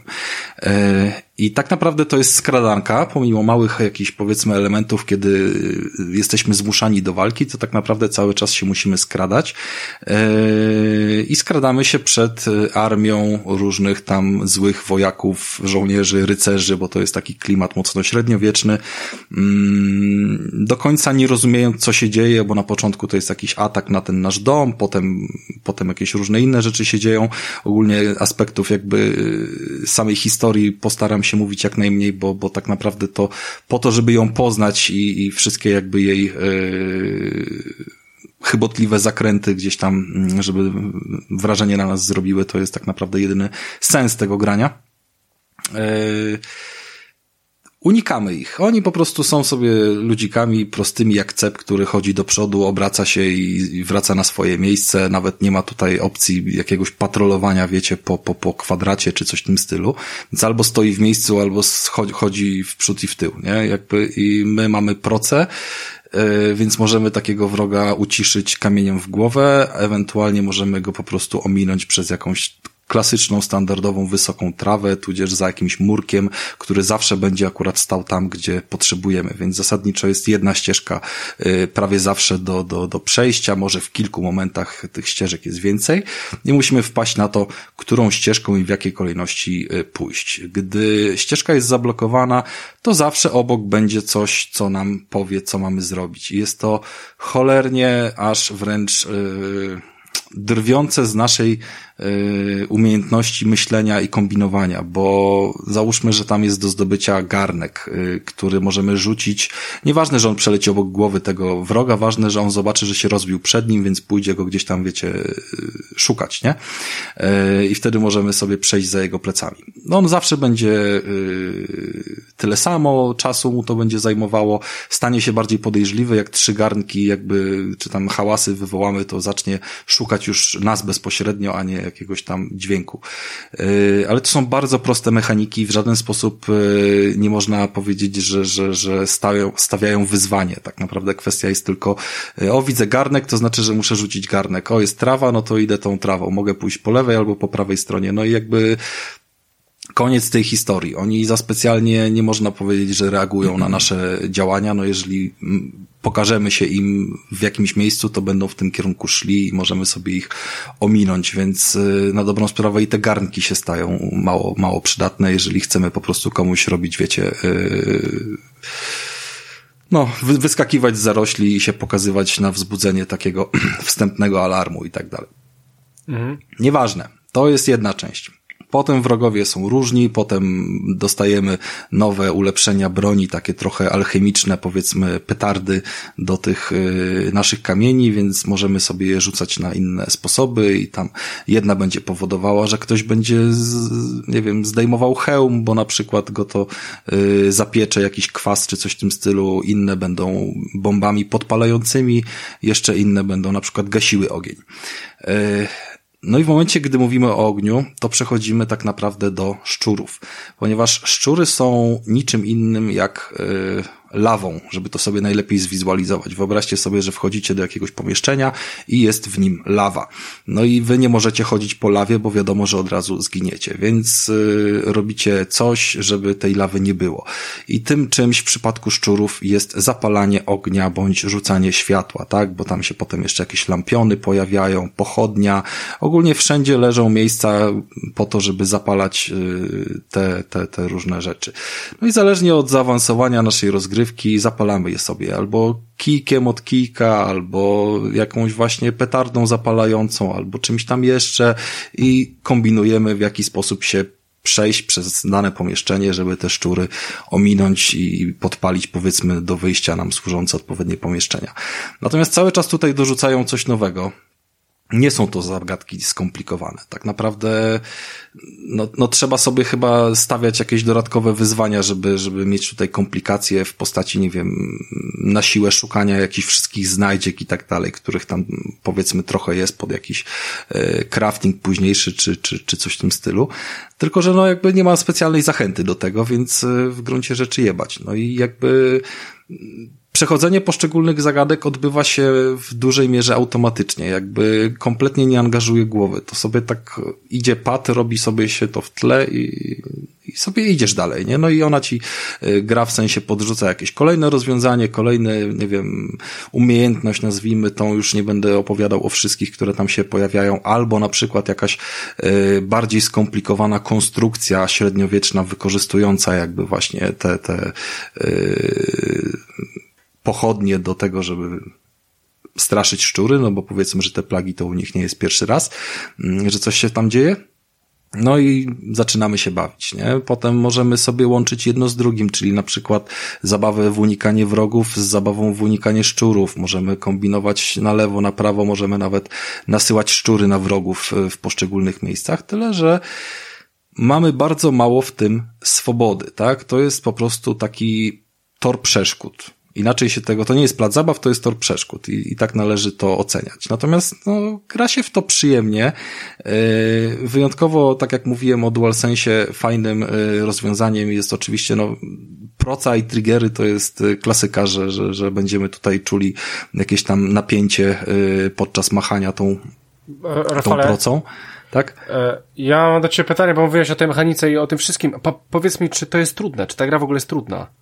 No nie, właśnie powiedziałem, że to się wszystko dzieje automatycznie. No tak, ale... Są, są momenty, które no. mogą cię, powiedzmy, tam yy, w jakiś sposób zablokować i chyba jeżeli chodzi o takie blokady, to to były, powiedzmy, dwa czy trzy starcia, tak? Kiedy wrogowie cię odkrywali i był to moment, w którym musiałeś ich y, celnymi strzałami w głowę pokonać lub inną czynnością, żeby nie zdradzać, która tutaj, y, wiesz, czy jakimś ciągiem czynności powodującym, że oni mm, przestaną do ciebie biec, tak? No i wtedy, kiedy wkrada się ta dynamika do gry skradankowej, mm. no to celowanie nie jest zrobione idealnie, bo jest tam jakiś auto-aim na tą głowę, ale gdy postać biegnie na ciebie i zaczyna, wiesz, poruszać poruszać się na przykład lewo, prawo, góra, dół, to, to ten auto aim traci swój cel, a od momentu puszczenia spustu to jeszcze jeden obrót procą jest, więc często było tak, że ja puszczałem spust, a jeszcze w trakcie, zanim pocisk wyleciał, yy, kontrowałem yy, trigger, znaczy tym analogiem, wiesz, yy, cel, żeby mi gdzieś tam nie, nie, nie zginął. Natomiast tak naprawdę to są jakieś poszczególne momenty i, i tutaj śmierć w ogóle jakby nie boli w takim kontekście. No giniesz to się, giniesz, bo powiedzmy źle rozkminiłeś zagadkę i cię szczury wciągnęły, tak? Na zasadzie, mhm. wiesz, yy, wpadłeś do lawy. Yy, trzeba rozkminić po prostu te zagadki, można to Ale traktować... Czyli czyli jak wejdziesz w szczury, to jest, rozumiem, one hit kill, tak? To jest... Jest one hit kill, nie ma w ogóle natychmiastowa opcji. śmierć, jest, tak? Mówię, no szczury to są lawa, lawa tak? To jest mhm. dokładnie ta sama zasada. Nie ma opcji. Nie ma opcji, że w jakiś sposób przeskoczysz, przebiegniesz przez te szczury. One są taką dziką masą, która wygląda całkiem fajnie. Nawet jest tak, jakoś tam... widziałem na gameplayach, że one dość fajnie animowane są, te szczury w ogóle. Są fajnie animowane. Wiadomo, że to nie jest jakiś wysoko, wiesz, yy, zaawansowany twór, który, wiesz, każdym, znaczy Powiedzmy, że tutaj każdy szczur faktycznie jest oddzielnie. Jeżeli y, masz momenty, w których y, załóżmy regulujesz taki lampion i przesuwasz tym promieniem świetnym i odcinasz jakimś szczurom drogę, y, to te szczury no jakby faktycznie są odcięte, faktycznie zostają ci na przykład takie dwa, trzy szczury, wiesz, powiedzmy gdzieś do ściany przygwożdżone, i one w tym momencie tak jakby znikają. W sensie można powiedzieć, że się spalają. Przyjmijmy, że to jest efekt spalania, bo faktycznie tam jakiś obłoczek dymu czy czegoś e, się pojawia. E, no bo liczy się tylko ta masa i ta masa jest jakby, wiesz, kluczowa. Mm, więc musisz sobie po prostu torować drogę poprzez robienie tych różnych zagadek, e, żeby gdzieś tam się przedostawać dalej, dalej, dalej. No i ten progres jest bardzo szybki, bo widzisz, że cały czas ci wpadają nowe, wiesz, rozdziały, więc jeden, drugi, trzeci, piąty i, i gra idzie do przodu. Natomiast no cała historia nie jest opowiadana na pewno tak dobrze jak w The Last of Us. Jakby umówmy się, że tutaj nawet za specjalnie się niewiele dzieje, kiedy odpalają się dialogi, tylko po prostu postać stoją do siebie nawet plecami i gadają, tylko głowy odwracają w swoim kierunku, a, a ty na przykład dalej sobie tam z nim gadasz. Są jakieś małe y, filmiki też w inny sposób zrobione, ale ale no nie porywa. Znaczy sama fabuła jest ciekawa, jakby cała historia jest warta poznania, ale to nie jest tak, że się zakochujesz w postaci jednej, drugiej i, i, i że jakby żałujesz, wiesz, na przykład ich śmierci czy coś w tym stylu, nie? Mm, I naprawdę, grając w The Last of Us mamy tutaj ogromną ilość e, rzeczy, które były inspiracją, żeby nie mówić kopią, tak? Które gdzieś tam starali się zrobić. Nawet, nawet taki charakterystyczny dźwięk e, urwany w momencie, gdy zginiesz i się pojawia ekran, że zginiesz zginąłeś, to jest też taki, wiesz, uit, taki coś tam się odpierdala, nie? Yy, który zawsze na, na, na dobrze ustawionych głośnikach potrafi, wiesz, yy, obudzić zmarłego, nie? Że, że właśnie zginąłeś w skradance. Czyli to, to, to nie będzie tytuł, Rafale, który przejdziesz? Znaczy ja już to przeszedłem. A, to przeszedłeś jest... to. Tak, ja to przeszedłem Myślałem, i jakby z całej, prostu... mówię, z całej historii jestem zadowolony, bo jej końcówka jest dosyć yy, pojebana, tam jest dużo pojebanych rzeczy, to, to jakby nie, nie spodziewajmy się tutaj prostej historii yy, na zasadzie, no musimy uciec i jak uciekniemy, to będzie ok. Mhm. Yy, poza tym, mm, ta korytarzowa konstrukcja, umożliwiła tutaj twórcom bardzo jakby rozwinięcie skrzydeł w ładne przedstawienie tego, co chcieli zrobić. Więc yy, od, odwiedzamy naprawdę świetnie zaprojektowane pod kątem jakby wizualnym i graficznym sceny, e, żeby nie powiedzieć, że całe lokacje, bo to, to wciąż jest korytarz, ale bardzo przyjemnie się chodzi po zamku, bardzo przyjemnie się chodzi przez miejsce, które dotknęła zaraza albo przez jakąś wioskę. I to są rzeczy, które naprawdę y, dają poczucie no, no takiego, wiecie, klimatu tej zarazy i tego, co się tam działo. Właśnie, właśnie poprzez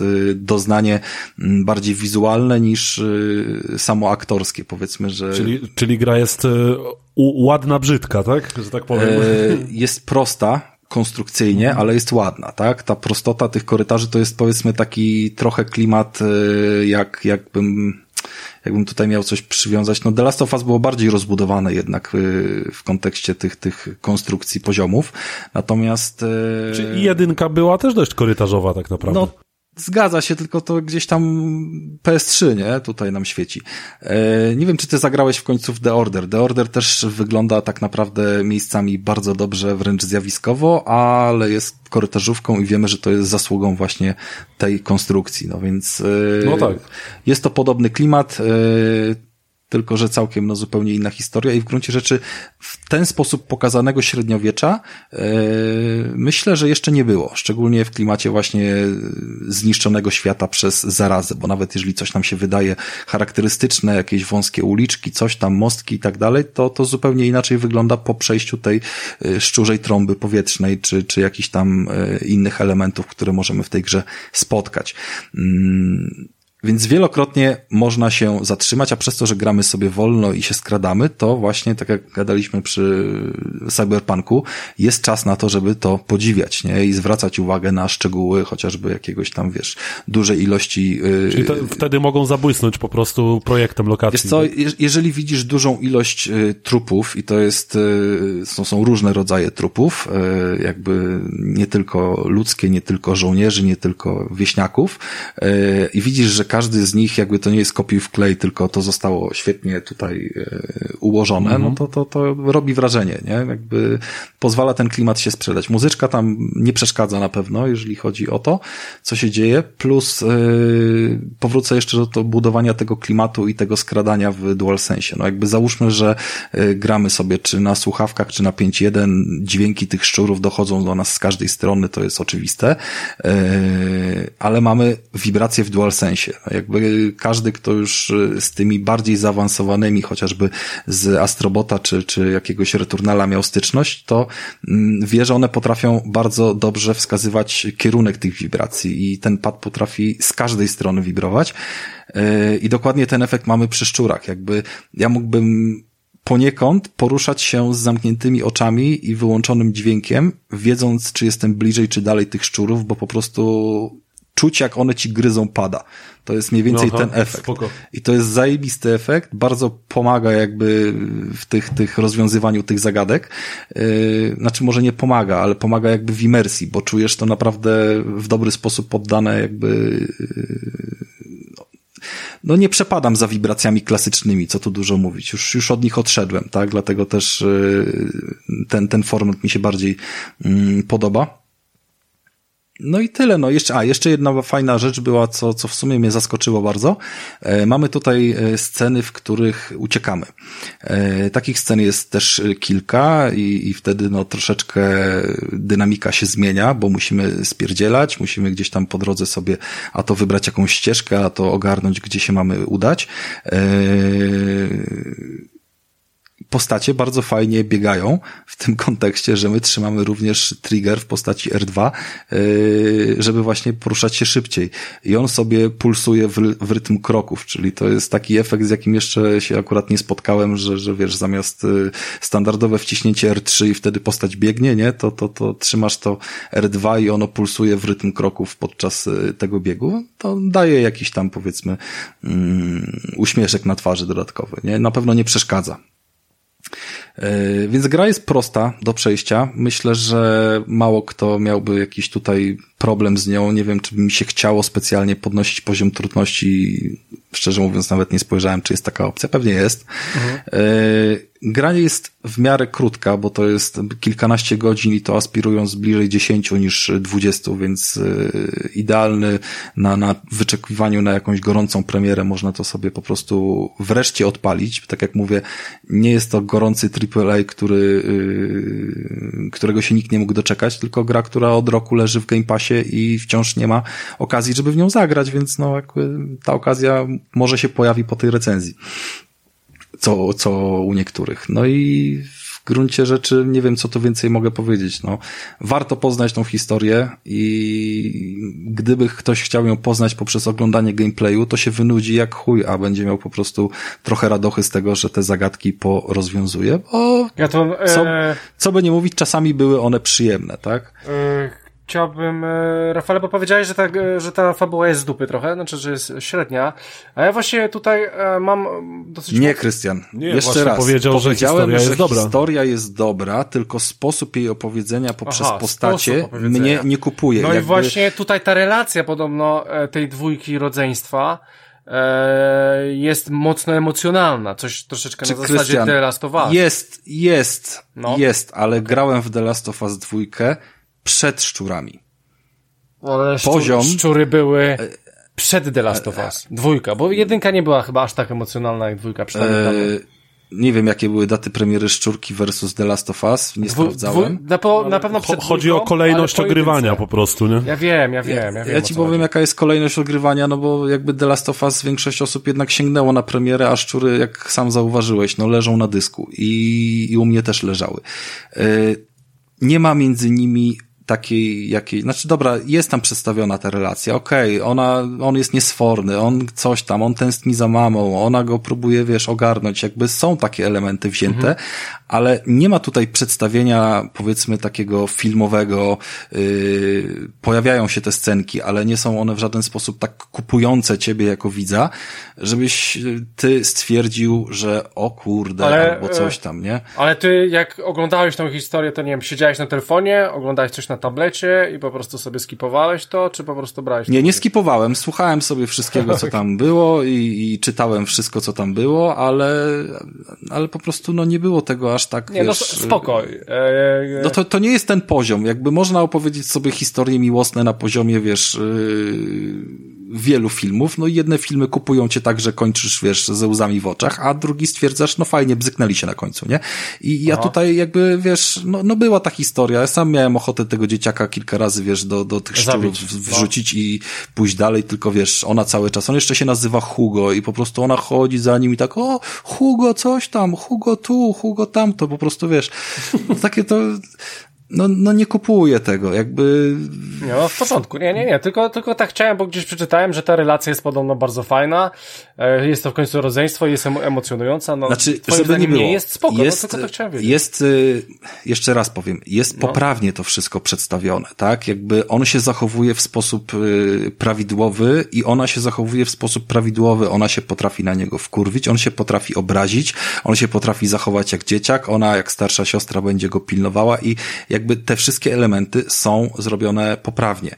Tylko jakby ich jakość wiesz, tego, że nie masz takiej sceny, do której cię przyzwyczaja, powiedzmy, The Last of Us albo coś, to jest poziom, y, w którym Horizon y, jedynka, który też tą fabułę, która była ciekawa, opowiadał źle, bo stali i te dialogi jakieś takie, wiecie, miałkie, bez emocji, mhm. nie opowiadał dobrze. I tutaj też można to było zrobić lepiej, ale sama historia, tak, żeby dowiedzieć się, co się stało, potrafi wciągać i jakby co chwilę dostajesz jakieś niuanse, co się zaraz spierdoli, albo dlaczego to się dzieje, albo co ty właśnie odkryłeś i się dowiedziałeś, nie? Więc, yy, więc chce się poznać tą historię, a to nie kosztuje dużo, bo kosztuje cię parę godzin jakieś tam umiarkowanie przyjemnej i, i niezbyt wymagającej rozgrywki. Mhm. Okej, okay, nie, w porządku, bo yy, ja w ogóle dwójka ma wyjść, chyba nawet chyba na premierę ma być w Game Passie. I e, tu liczę, że będzie to właśnie poprawione. I fajnie, spoko. I fajnie właśnie było, było tą jedynkę ograć, szczególnie, że ona jest fajna. Ty ją przeszedłeś, więc e, wydaje się, że jest dobra. Więc wypadało no, ciężko, ciężko jest mi się zmusić, żeby przejść jakąś grę, które wiesz, yy, która, która... No, tu jednak walnąłeś całą, nie? No, dokładnie, więc jakoś to, jakoś to weszło i no. Yy, no nie wiem, może wiesz co, możliwe, że miałem ostatnio dużo gier, które naprawdę fajnie miały poziom yy, relacji między bohaterami, bo yy, były, był Marvel, było The Last of Us, yy, w sumie w Days Gone też mi się podobało, jak tam były mhm. te wszystkie relacje i dialogi zrobione i, i to gdzieś tam... No, akurat jakiś... historia to według mnie była najmocniejsza strona Days Gone, no, szczerze mówiąc. właśnie, więc tam było dużo takich rzeczy, które to, powiedzmy, że zbudowały mi wysokie oczekiwania i poniekąd na to, w jaki sposób była opowiadana historia, też narzekałem w Kenie, że, że no jakby nie miało się takiej super ochoty y, wysłuchiwać tego ich biadolenia, ale ale chyba to jest ciekawsza historia jednak niż w Kenie. Kena stała walką, nie? Mm, no tak. E, dobra, e, słuchajcie, to, to e, tyle, jeżeli chodzi o Plague Tale. Plague Tale. Eee, Innocence! Wytnę cię, wy, wytnę cię w Innocent. Pizu, nie, nie dość, że cię wy, wytnę w ogóle cię wypierdolę. E, Wypierdol mnie. Więc słuchajcie, e, gra stała fajnie fabułą, e, dobrą historią i teraz przejdziemy do tematu głównego, który e, w ogóle ma fabułę, ale w sumie nie wiem po co. E, słuchajcie, Rainbow Six Extraction. Ekstrakcja! Wow! Wyobraźcie sobie, że Czyli odpalam... Można by powiedzieć Rainbow Extraction. Można tak powiedzieć. Tak. E, tęczowa szóstka, tęczowa szóstka, tak. E, słuchajcie, e, to jest, to jest tytuł, To który... będzie tytuł odcinka Tęczowa szóstka Sekstrakcja. Sekstrakcja. słuchajcie, to jest tytuł, który wjechał sobie w Game Passa i tak nie oszukujmy się, gdyby nie to, że wjechał do Game Passa, to niewiele osób by w niego pograło. a szkoda. I wbrew tych tym wszystkim recenzjom, które krążą po necie, e, słuchajcie, to jest tytuł, który nie wiedziałem, że będzie aż tak dobry. E, no i powiem wam, że to jest chyba najlepszy co-op, e, co-op multiplayerowy, w jaki grałem na nowej generacji. I tutaj nawet wszystkie praktycznie gry bym powiedział, że nie chce mi się, nie chciało mi się tak grać tak jak w to, po takim czasie. E, z wielu, z wielu powodów, o których zaraz powiem. Więc słuchajcie, czym jest w ogóle ta gra? E, gra jest, e, hmm, najłatwiej powiedzieć, że to jest Rainbow Six Siege, e, tylko po prostu walczy się z, e, walczy się NPC-ami. Z NPC-ami, z twórkami, które są w grze, tam to coś tam jest, zaraza, którą trzeba po prostu e, w ogóle e, to są chimera, obcy chyba, nie? Chimera, jakiś pasożyt spadł na ziemię. No słuchajcie, więc po prostu coś jest i trzeba to rozjebać e, i rozjebuje się właśnie w klimacie Rainbow Six Siege. Powiem wam, że w Siege'u miałem 150 godzin w multiplayerze, zrobiłem platynę, z którą się jebałem tyle czasu e, i, i po prostu jak to, w to wjechałem, to po prostu jak w stare, w stare nowe buty i po prostu było wygodnie i fajnie się chodziło i po prostu grało się zajebiście, bo e, to, co miała, ma Siege najlepszego, czyli strzelanie tych operatorów, to wszystko tutaj jest. To po prostu wszystko tutaj jest i dla mnie to wszystko tutaj działa. E, gramy w trzy osobowe drużyny, więc e, to od razu też chyba mogę zaznaczyć, że jeżeli ktoś tam boi się, że randomy coś tam, coś tam, e, oczywiście zdarzają się, ale powiem wam, że świetnie mi się grało z randomem i, i tym razem z chłopakami też mi się bardzo dobrze grało. E, pomimo tego, że, że za bardzo nam nie szło, e, bo gra jest trudna, o czym też e, powiemy, to naprawdę fajnie się grało i fajnie się gra też z randomami. E, ja chyba nawet raz, raz mi się coś to, takiego zdarzyło, że chyba nawet sporo na telefonie coś tam przysiedziałem i kurwa, ale oni rozpierdalają, już prawie przeszedłem level i w ogóle what the fuck. Więc no, wiadomo, zależy na kogo się trafi. Ale powiem wam, że e, gra jest dosyć ciekawa, bo jest szybka. E, mamy tych swoich e, operatorów. Mamy ich chyba bodajże na początku koło 10-12, plus jeszcze będziemy odblokowywać w trakcie gry.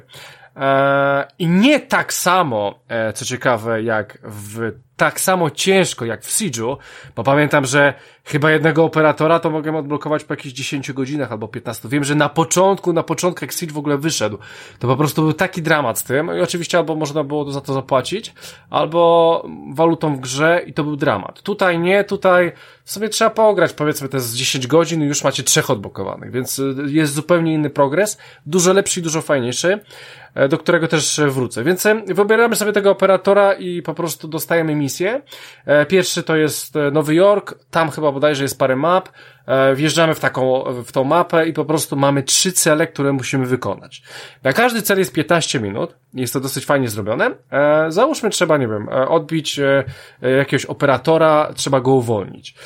I słuchajcie, jak zrobicie ten cel, powiedzmy w 5 minut, to ma, macie dwie opcje. Spierdalacie z mapy, E, oczywiście e, spierdolić z mapy możecie, kiedy, e, kiedy kiedy chcecie, e, kiedy przyjdzie was na, na to ochota. Ale załóżmy, zrobiliście misję, e, więc możecie spierdolić, albo możecie iść do kolejnej misji, bo, bo na, na, na każdym levelu macie trzy misje, które trwają maksymalnie po 15 minut.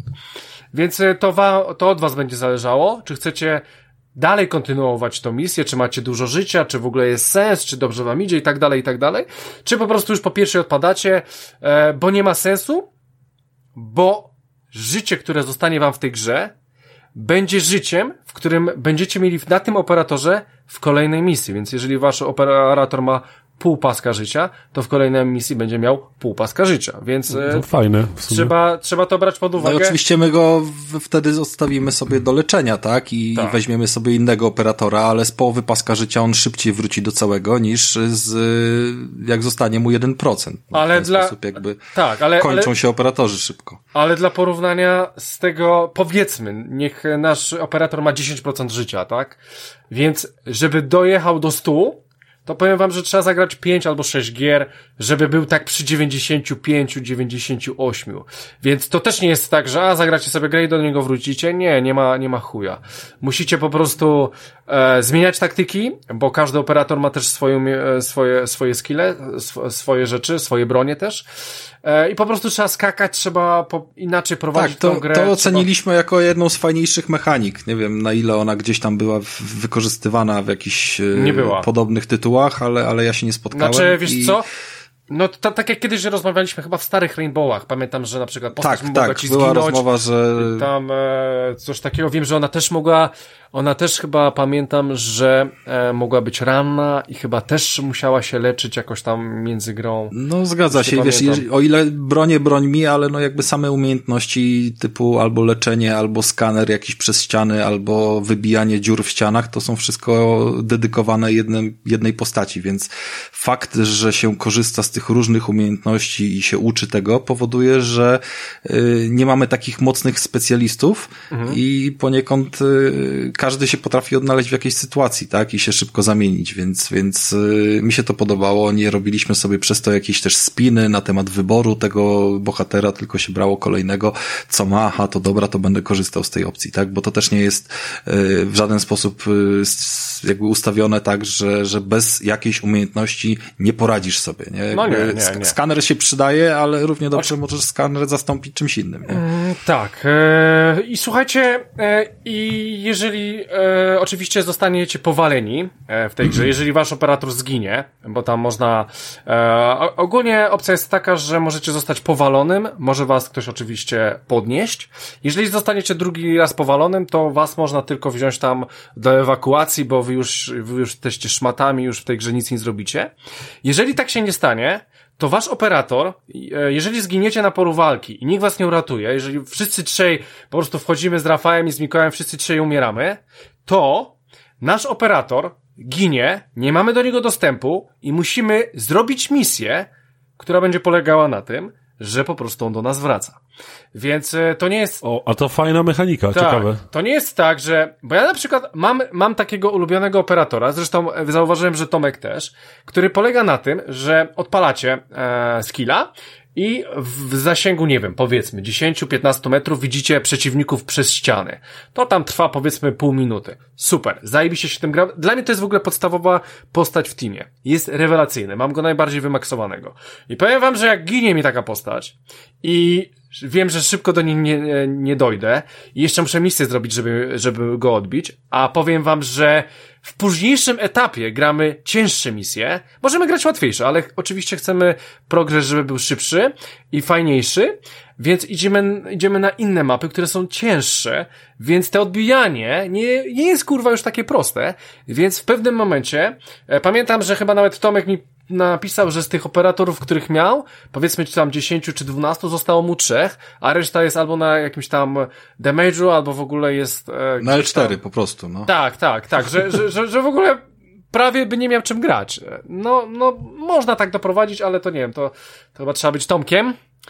E, no nieważne. Faktem jest, że po prostu e, trzeba kombinować i trzeba uważać, więc to nie, to, to musi być też zdrowa kalkulacja, że kurwa, no mam mało życia, ryzykować kolejną misję, czy wracać. I teraz tak, mamy na planszy trzy misje i one są levelami zrobione tak, że pierwsza jest najłatwiejsza, druga jest cięższa, trzecia jest najcięższa, ale jest najwięcej expa za nie i w ogóle jest super. Więc y, to już od nas będzie zależało, czy na przykład po drugiej misji nie spierdolić e, w trójkę, czy e, w połowie jakiejś misji nie spierdolić, bo na przykład już jest chujowo. E, I trzeba, Kluczowe tu jest życie, tak? Jakby wejść i zrobić pierwszą misję, gdy wszyscy mamy paski życia pełne, to jest e, żaden problem, ale każdy dostanie jakiegoś strzała albo przy kimś wybuchnie jakiś stworek, który jest takim chodzącym granatem. Mhm. No i potem podchodzimy do decyzji. Dobra, ja mam 100%, ja mam 70%, ale ten ma tylko 30%. Ryzykujemy czy nie? No to ryzykujemy, ale teraz idziemy mocno na spokojnie, nie? I jakby wtedy jest dobrze gdzieś tam się e, porozumiewać. Pamiętam, że mieliśmy takie właśnie Mieliśmy, wejścia. mieliśmy.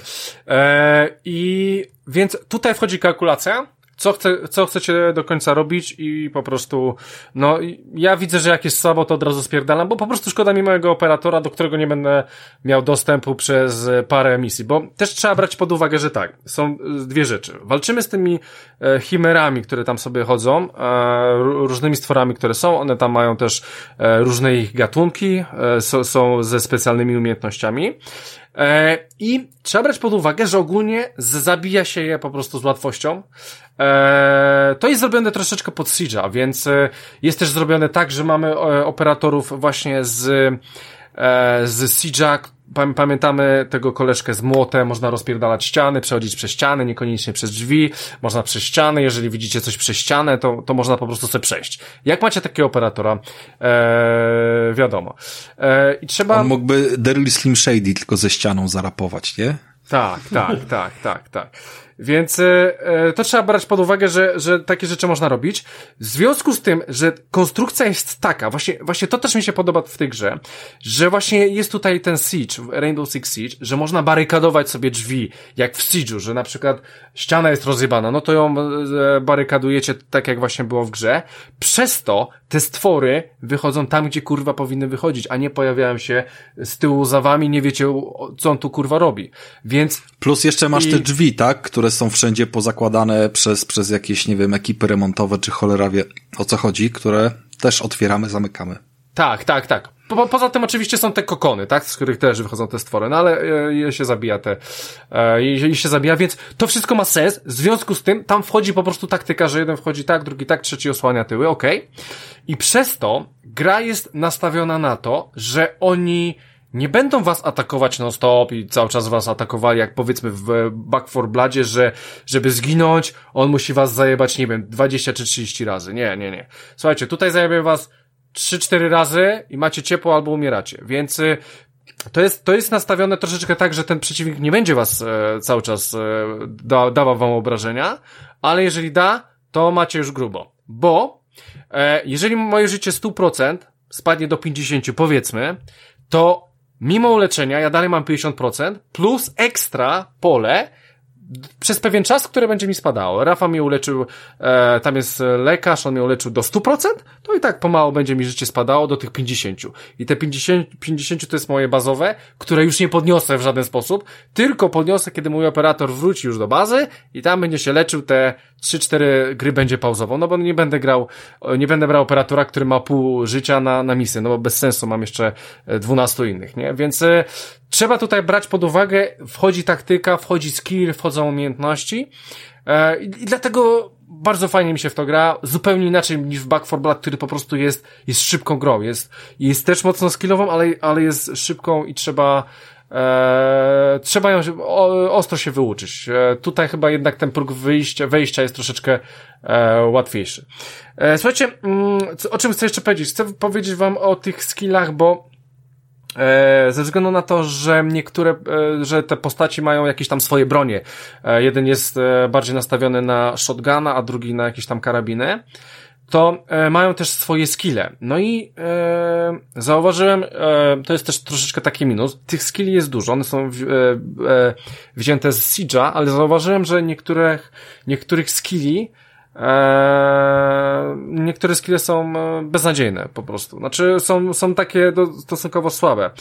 Bardziej chcę powiedzieć, że one są dobre, one pasują do tej gry, wszystko mi się zgadza, ale mam postaci z takimi skillami must have, które po prostu sobie maksuję, przez co te inne postacie, tak jak nawet patrzyłem, co, czym chłopaki grają, no to Tomek jest taki, że on musi wszystko sprawdzić oczywiście, ale ogólnie e, nie braliśmy niektórych postaci w ogóle i tak sobie zauważyłem, że pomimo tych w miarę spoko skilli, to raczej się ich e, za bardzo nie bierze. No i, i, i, i po prostu... Ale wiesz, to znowu zależy od tego, kto jak gra, bo... No.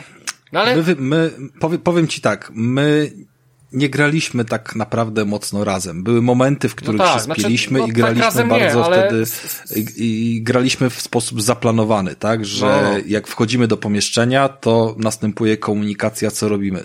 My graliśmy razem, trzymaliśmy się blisko, ale jednak trochę każdy sobie, więc my te skille wybieraliśmy również takie, które były mm, mocno indywidualne, typu przebijanie się przez ściany to jest taka rzecz, którą trzeba zaplanować. Dobra, zamknijmy wszystko, a tędy się przebijmy przez ścianę.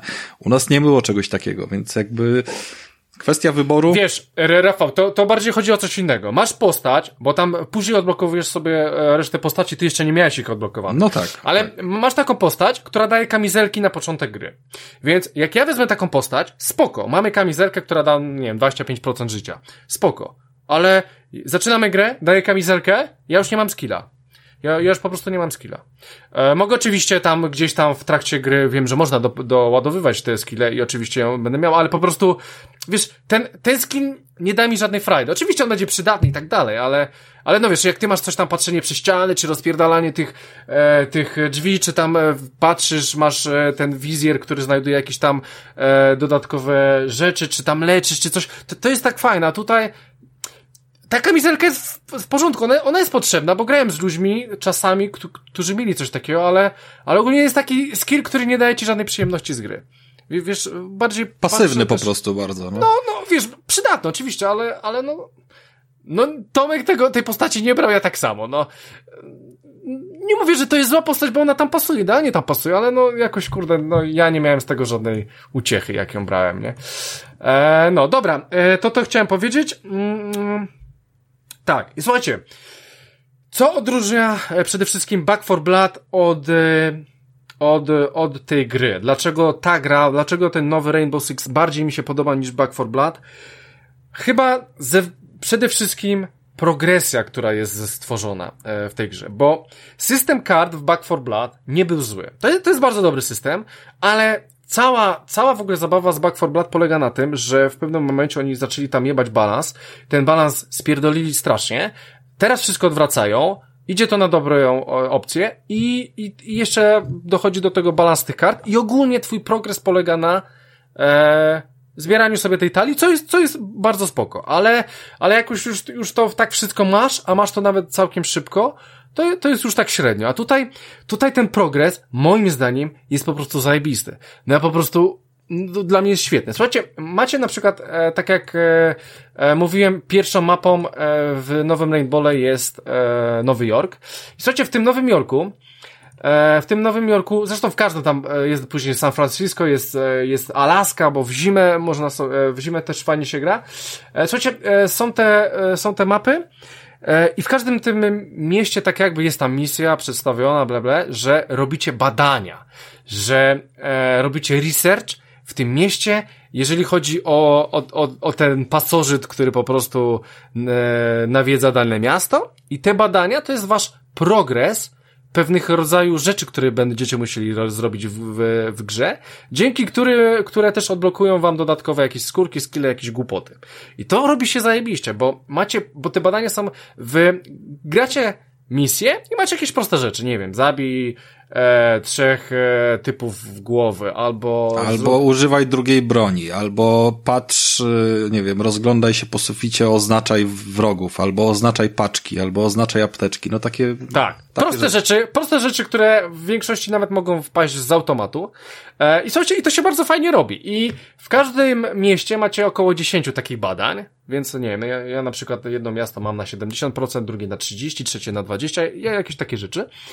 E, I po prostu powtarzacie tą misję cały czas tą samą. E, w sensie, jak powtarzamy Nowy Jork, to mamy parę map w tym Nowym Jorku, ale twórcy dobrze to rozkminęli, e, rozkminili, bo na przykład możecie zagrać jedną dużą mapę z innej strony. Podchodzicie z innej strony i kończycie ją kiedy, w miejscu, w którym na przykład wcześniej graliście tą mapę i zaczynaliście, więc po prostu bawią się tą mapą i na przykład e, dopiero pod koniec zjarzyłem się, a już tak pograłem dosyć sporo w tym Nowym Jorku, że odwrócili mi mapę, nie? Więc y, to, to też jest ciekawe, że te mapy się aż tak szybko nie nudzą.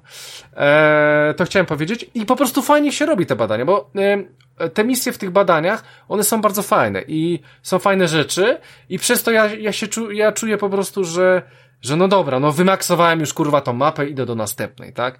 Bo e, tutaj e, oni wprowadzili coś takiego jak zagrożenie.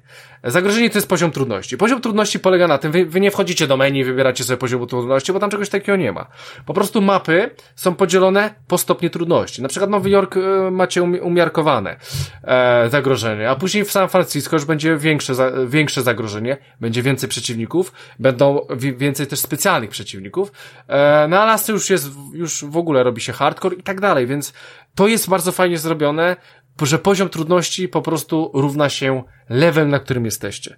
E, I dla mnie to też jest super zrobione, nie muszę przesuwać żadnego suwaczka, nie muszę kurwa nic zmieniać, po prostu łatwa mapa Nowy Jork, ciężka Alaska i, i, i spoko, ej dobra, robimy Alaskę, a kurwa, będzie ciężko, dobra, spróbujmy Alaskę. I wiem, że tam będzie ciężko.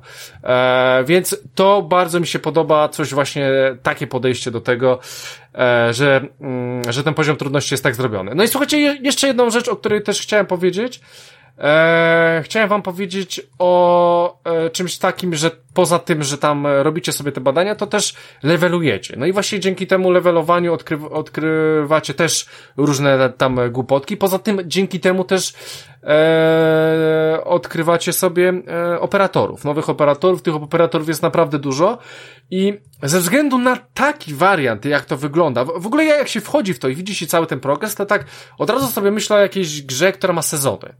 E, no ale tutaj, tutaj tak nie ma. Oczywiście jak to u Yubi, można wejść do sklepu, kupić sobie maskę, kupić sobie jakieś tam ciuszki, jakiś strój, jakieś spodnie, e, skórki na bronie, w ogóle od chuja jak to Yubi, oczywiście za prawdziwe pieniądze. E, ale nie trzeba oczywiście, e, nie trzeba wszystko jest grze i w sumie na razie wszystko to fajnie działa i ta gra ma rewelacyjny potencjał, żeby jebać to jakieś sezony i coś w tym robić.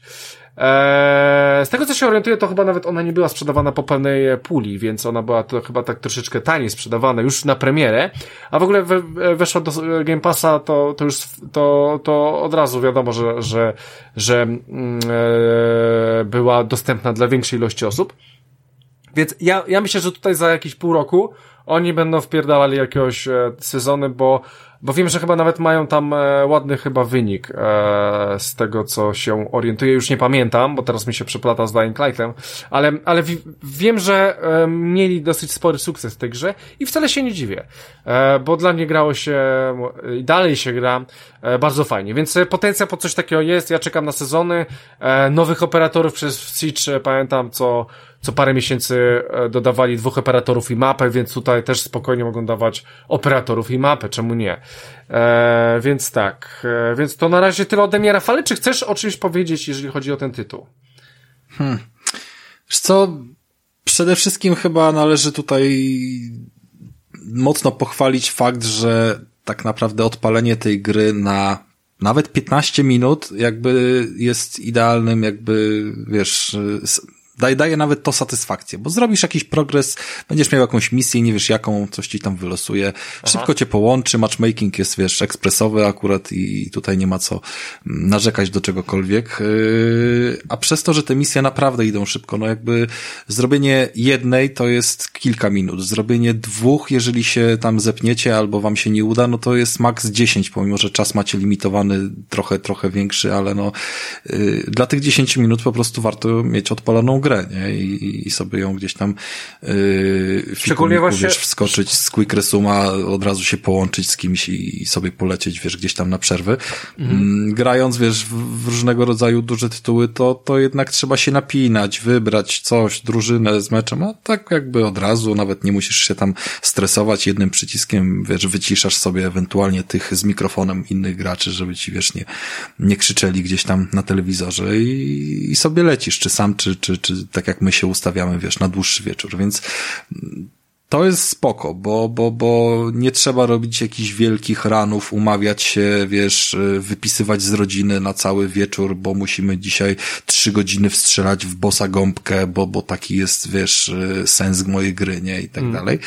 I to chyba właśnie powoduje, że, że może czasem gdzieś tam się coś odpali, może się przy tym zrobi progres, a dzięki temu, że ten progres się będzie robił, to się czasem częściej zagra razem. Ale to są takie pierwsze wrażenia, no jakby tego typu gry, wiesz, szczególnie jakby odkrywa się ich wszystkie wady po, po dłuższym czasie, nie? I ile osób zostanie z nimi tak naprawdę na, najdłużej, jaki będziesz miał rozjazd powiedzmy na poziomach między, wiesz, między graczami, czy będziesz miał ochotę, mając y, odblokowane różne te swoje umiejętności, badania, wiesz, y, grać z, z, z kimś, kto jest o wiele niżej od ciebie, czy nie będzie cię wkurwiał, że, wiesz, już się oswoiłeś z tym, że ktoś może rzucić granat, a ten ktoś granatu na przykład nie ma. Wiesz o co chodzi. No więc, tak, tak. Więc tak. Y, jeżeli to się za mocno nie rozjedzie i, i, i będzie jakby dalej trzymane spoko, to, to okej, okay, no fajnie, bo nie ma żadnego lobby, wiesz, tak jak powinno być, łączysz się z imprezy y, bezpośrednio do jednego, wiesz, pokoju. Y, wrogów masz zawsze tych samych, więc tak naprawdę grając nawet z randomami, to sam sobie swojego skilla w walce z tymi przeciwnikami oraz poznawanie poszczególnych map budujesz, tak? Więc nie potrzebujesz tego wsparcia do zdobycia doświadczenia takiego swojego prywatnego. No, nie mówię o operatorze.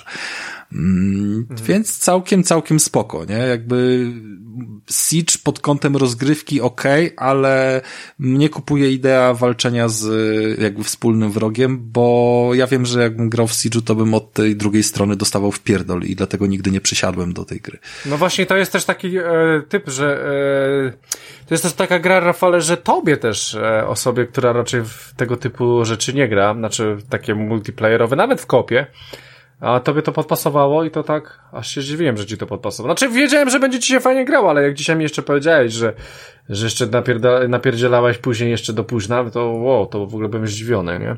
Znaczy no spokojnie, wiesz, jakby to nie tak, że tylko siedziałem i grałem, ale faktycznie trochę pograłem. No tak.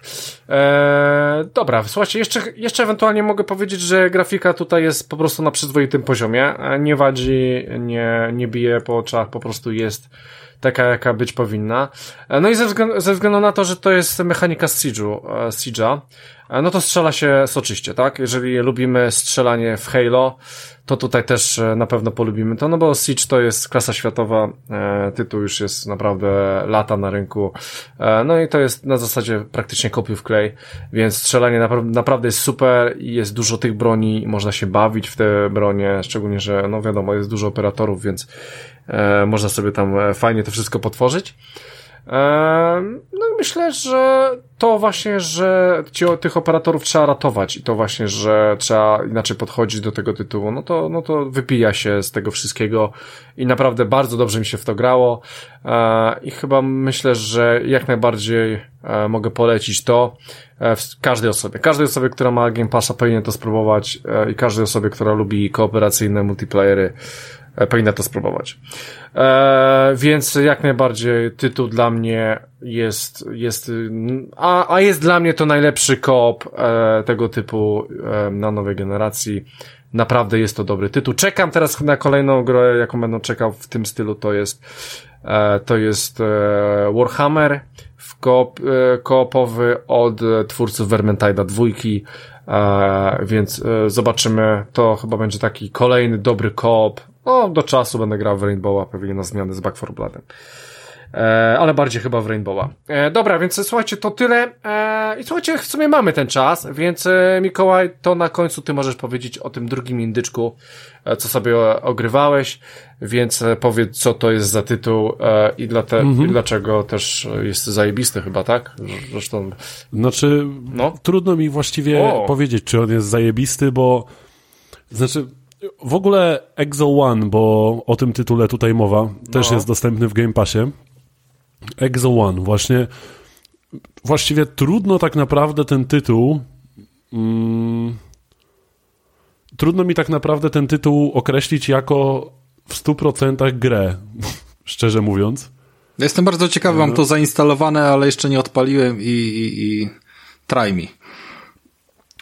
Tak, słuchajcie, bo właściwie ta produkcja to jest dla mnie bardziej doświadczenie wizualno-muzyczne niż e, jako taka gra.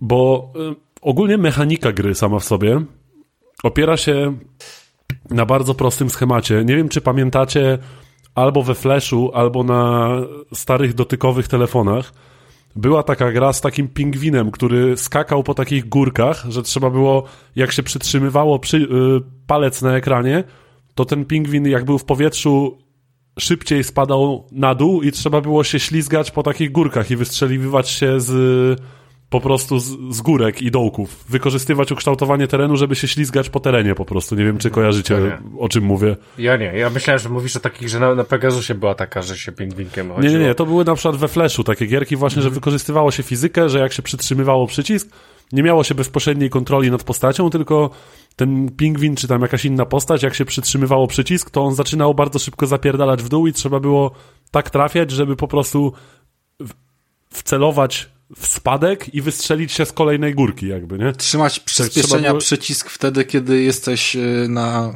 fragmencie spadkowym, tak? Coś tak, takiego. dokładnie tak, coś w ten deseń, otóż to. I ta gra polega mniej więcej na tym właśnie, tylko, że ona jest przykryta jakąś taką bardzo enigmatycznie podaną fabułą gdzieś w tle, że e, ludzie odebrali gdzieś z Jowisza jakiś tajemniczy sygnał, w którym były zawarte instrukcje budowy statku grawitacyjnego, nie? Jakieś, jakaś obca technologia.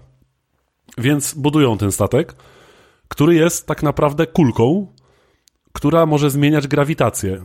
Czyli jak jesteśmy w powietrzu, naciskamy prawy trigger z, z odpowiednią jakąś tam siłą i wtedy ta kulka zaczyna zapierdalać bardzo szybko w dół, bo zwiększa się grawitacja i musimy wykorzystywać ukształtowanie terenu plansz, po których e, się poruszamy, żeby dojść do końca etapu. Tylko cały myk polega na tym, że te właśnie etapy, te planety, po których my się poruszamy, są nawet nie to, że niesamowicie zaprojektowane, to są po prostu faliste krajobrazy, tylko że one są często tak obce, tak niesamowicie nieludzkie i mają, odnosi się wrażenie poruszania się po jakimś mitycznym, gigantycznym obiekcie gdzieś daleko w kosmosie. Nawet nie wiem za bardzo jak to opisać, ale krajobrazy w tej grze są po prostu obce. Są niezwykłe, oniryczne, często kolorowe, czasem mroczne, ale są przede wszystkim obce. I y, gra polega na tym, że musimy się y, doczłapać tą kulką, do takich przekaźników masy, jakby trochę jak w Mass Effectie. I one nas wystrzeliwują na kolejne planety, które zwiedzamy. I dochodzą później kolejne mechaniki, że ta kulka, okazuje się ten statek, który jest kulką, on jak go wystrzelimy odpowiednio, właśnie wykorzystamy grawitację, żeby się wybić z najbliższego wzniesienia, on puszczamy te, ten przycisk od grawitacji, wtedy ta kulka robi się lekka jak na księżycu. I wtedy drugim triggerem możemy ją sobie spłaszczyć w spodek na przykład, że ona się staje spodkiem i sobie szybujemy i nie możemy tak sobie szybować w nieskończoność, bo żeby naładować tę opcję szybowania, musimy znowu nacisnąć przycisk grawitacji, żeby naładować jakby ten grawitacyjny napęd przez spadanie szybko w dół. I, I gra zachęca nas do osiągania jak największych prędkości. I właśnie to jest piękne w tej grze, że naprawdę mamy wrażenie, że wchodzimy w naddźwiękową jakąś prędkość, co jest okraszone bardzo soczystym dźwiękiem, zmieniają nam się kolory na jakieś bardziej oniryczne, wykręcone, jakbyśmy w jakimś negatywie na to patrzyli. I do tego w tle przygrywa nam cały czas specyficzna ambientowa muzyka, która jest w całości wykonana na gitarze elektrycznej, gdzie tam nie pojawiają się żadne inne instrumenty, tylko na przykład jak uda nam się pięknie, epicko wybić tym spotkiem nad chmury na danej planecie, które też wyglądają totalnie obco. Mamy gdzieś w tle, widzimy jakieś gwiazdy, planety z pierścieniami i tak dalej. Wybijamy się ponad chmury i nagle jest cisza totalna i gdzieś słyszymy tylko lekki szum jakby powietrza i gdzieś w tle zaczyna nam plumkać jakaś bardzo przyjemna, ambientowa albo niepokojąca trochę melodia na gitarze. I właśnie w połączeniu z tymi wszystkimi kolorami, z tymi krajobrazami, które zwiedzamy yy, w trakcie tej gry, to z tego się robi bardziej nie gra, tylko doświadczenie, takie dla zmysłów po prostu, że nie bardzo myślimy tak naprawdę o tym, że my gramy, Aha. tylko wpatruje, wpatrujemy się w ten ekran i chłoniemy te dźwięki, chłoniemy te obce, niezwykłe krajobrazy, a rozgrywka jest gdzieś tam w tle. Ona jest bardzo prosta. My de facto używamy jednego analoga i dwóch przycisków do sterowania tą kulką. I to jest coś niezwykłego. Naprawdę z Agatą właśnie zagraliśmy w to. Też po, po blancie polecam. No właśnie, Jakby- od razu o tym pomyślałem, to jest, że... tak, to jest gra, która zdecydowanie chciałem już o niej powiedzieć, żeby jakby przyznać po raz kolejny nasze odznaczenie y, bezimienne, czyli Złotego Blanta dla tej gry. od tego zacząć. Tak, tak, tak, tak. I naprawdę polecam to sprawdzić. To jest gra krótka, ona nawet mierzy czas w ogóle przejścia. My za pierwszym razem tę grę przeszliśmy od początku do końca w niecałe dwie godziny. Yy, ale to były dwie godziny, po których my, jak zobaczyliśmy napisy końcowe tej gry, to my jeszcze dobre pięć minut siedzieliśmy bez słowa i patrzyliśmy po prostu w ekran, bo ta gra hipnotyzuje. Jest po prostu tak niesamowicie oniryczna, jest tak inna niż, niż wszystko, co do, zagrałem przez ostatnie miesiące, że zwyczajnie my prawie się do siebie nie odzywaliśmy przez te y, dwie godzinki, powiedzmy, tylko Agata patrzyła jak zahipnotyzowana, jak ja tą kulką albo spotkiem szybowałem po tych obcych krajobrazach w, w, rytm tej, w rytm tej dziwnej, y, hipnotyzującej, ambientowej muzyki wykonanej na gitarze.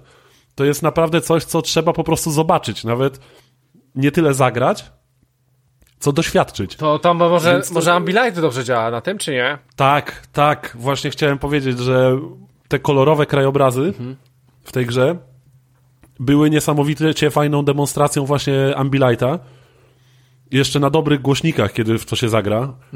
Najlepiej właśnie to dobrze, dobre robi wrażenie, kiedy, tak jak Rafał ostatnio się jarał swoim 5.1, więc polecam tę grę odpalić. Ona ma problemy z optymalizacją, mimo prostych w sumie prostej geometrii, tak naprawdę niewielu obiektów. Myślę, że tam bardzo dużo yy, bardzo dużo mocy obliczeniowej pochłaniają chmury, które są bardzo skomplikowanie wykonane, No, no, no. bo nieraz na tych planetach naprawdę ja nie, w, pe, w, pewnym, w pewnych momentach nie spodziewałem się, że ja mogę tak wysoko wyskoczyć na tej planecie. I tam to robi naprawdę piorunujące wrażenie. My mamy ucze- wrażenie uczestnictwa w czymś wielkim, że my jesteśmy na gigantycznej planecie i nagle z jakąś absurdalną prędkością udało nam się wyskoczyć ponad chmury, właśnie wtedy wszystko się wycisza, my szybujemy i na przykład można, trafiamy w pewnym momencie na gazowego olbrzyma, gdzie właśnie fajnie się zmienia mechanika gry, że nie ma tam gruntu jako takiego, tylko musimy szybując opadać najpierw i trafiać w odpowiednie chmury z wyładowaniami elektrycznymi, żeby nam naładowały to szybowanie. Na innej planecie na przykład wlatując na tę planetę z tak ogromną prędkością, ściągamy orbitujące wokół tej planety kawałki skał i powodujemy apokaliptyczny deszcz meteorytów, ta planeta jest w całości zrobiona z morza i podnoszą się gigantyczne kilkusetmetrowe fale i wtedy zamiast y, turlać się okrągłą kulką po ziemi, musimy ślizgać się niemalże puszczając kaczki po falach, na tej, po falach, które sami wywołaliśmy wlatując na tę planetę. To, to jest coś naprawdę ciekawego, interesującego i warto to zobaczyć, bo po prostu każda kolejna planeta ma coś do, do zaoferowania, jakoś zmienia lekko tę mechanikę, więc tam jest ten gameplay gdzieś, gdzieś powiedzmy w tle, ale przede wszystkim tej gry się doświadcza po prostu. To jest doświadczenie wizualno-muzyczne. I to jest gra, która jest po prostu piękna. Także naprawdę polecam. Exo One, bardzo krótki indyczek na dwie godziny, ale jeśli chcesz po prostu wrócić po robocie, spalić sobie blanta i się totalnie odprężyć i zanurzyć się w niesamowitych krajobrazach, to jest coś, co warto zagrać i naprawdę polecam, bo tak jak powiedziałem, przyznaję tej grze z marszu Złotego Blanta, bo to jest coś, coś niezwykłego po prostu, coś, co rzadko robi, tak, rzadko na mnie teraz gry robią takie wrażenie artystyczne, że naprawdę to, to jest dla mnie uczta dla zmysłów. Więc polecam. No tak. Exo One. E, Exo One. E, powiem wam, że sporo tych gier wpadło już do naszego kącika. Ja myślę, że jakąś listę wypadałoby tego zrobić, bo tak. w każdym odcinku przynajmniej jeden tytuł wyjeżdża. Szczególnie mam wrażenie, że niektórzy to w ogóle szukają gry pod to też, że nie tam o... No, nie, nie ukrywam, że lubię. No, tylko u nas taki kącik jest. No, więc... E, tak, może, dokładnie. Może ten, ja zobaczam, może w ogóle, w ogóle już zmienię, zmienię w ogóle e, cały, całą rozpiskę e, i od razu tam wpierdolę kącik e, Złotego Blanta. Dobra, e, no nieważne. Dobra, słuchajcie, więc 200, e, 204 odcinek dobiega końca. E, fajnie nam się nagrywało. E, no i myślę, że e, czas pomału kończyć. Już jest 23 w Polsce, po 23, więc e, czas najwyższy. E, słuchajcie, standardowo oczywiście wchodźcie na bezimienny.pl, tam rzucamy odcinki, jesteśmy na Facebooku i grupie facebookowej, e, jesteśmy również na Twitterze, na Instagramie, na Discordzie, więc wszędzie, iTunes, YouTube jesteśmy też. Oczywiście mamy swojego Patronite'a, e, no i myślę, że patroni dostaną coś fajnego z tego odcinka, coś wyciągną, e, ale to tylko oni będą wiedzieli. E, poza tym, e, e, poza tym wchodźcie właśnie nasz na Patronite, jak was coś zainteresuje, dajcie znać. I chyba to będzie na tyle. To będzie na tyle. Możecie też do nas pisać maila bezimienny podcast gmail.com. I słuchajcie, kończymy ten 204 odcinek. Fajnie się znowu nagrywało w trzy osoby. Fajnie się w ogóle nagrywa. My na pewno nagramy jeszcze za, nagramy kolejny odcinek, który będzie za dwa tygodnie. E, słuchajcie, ja miałem na imię Krystian Kender, ze mną w studiu również Rafał Rodomyski. Pięknie dziękuję, dobranoc. E, I był z nami Mikołaj Weiser. Dzięki śliczne, miło było. Siemanko. No i my słyszymy się za dwa tygodnie, więc do usłyszenia drodzy słuchacze, trzymajcie się. Hej! Eloszka.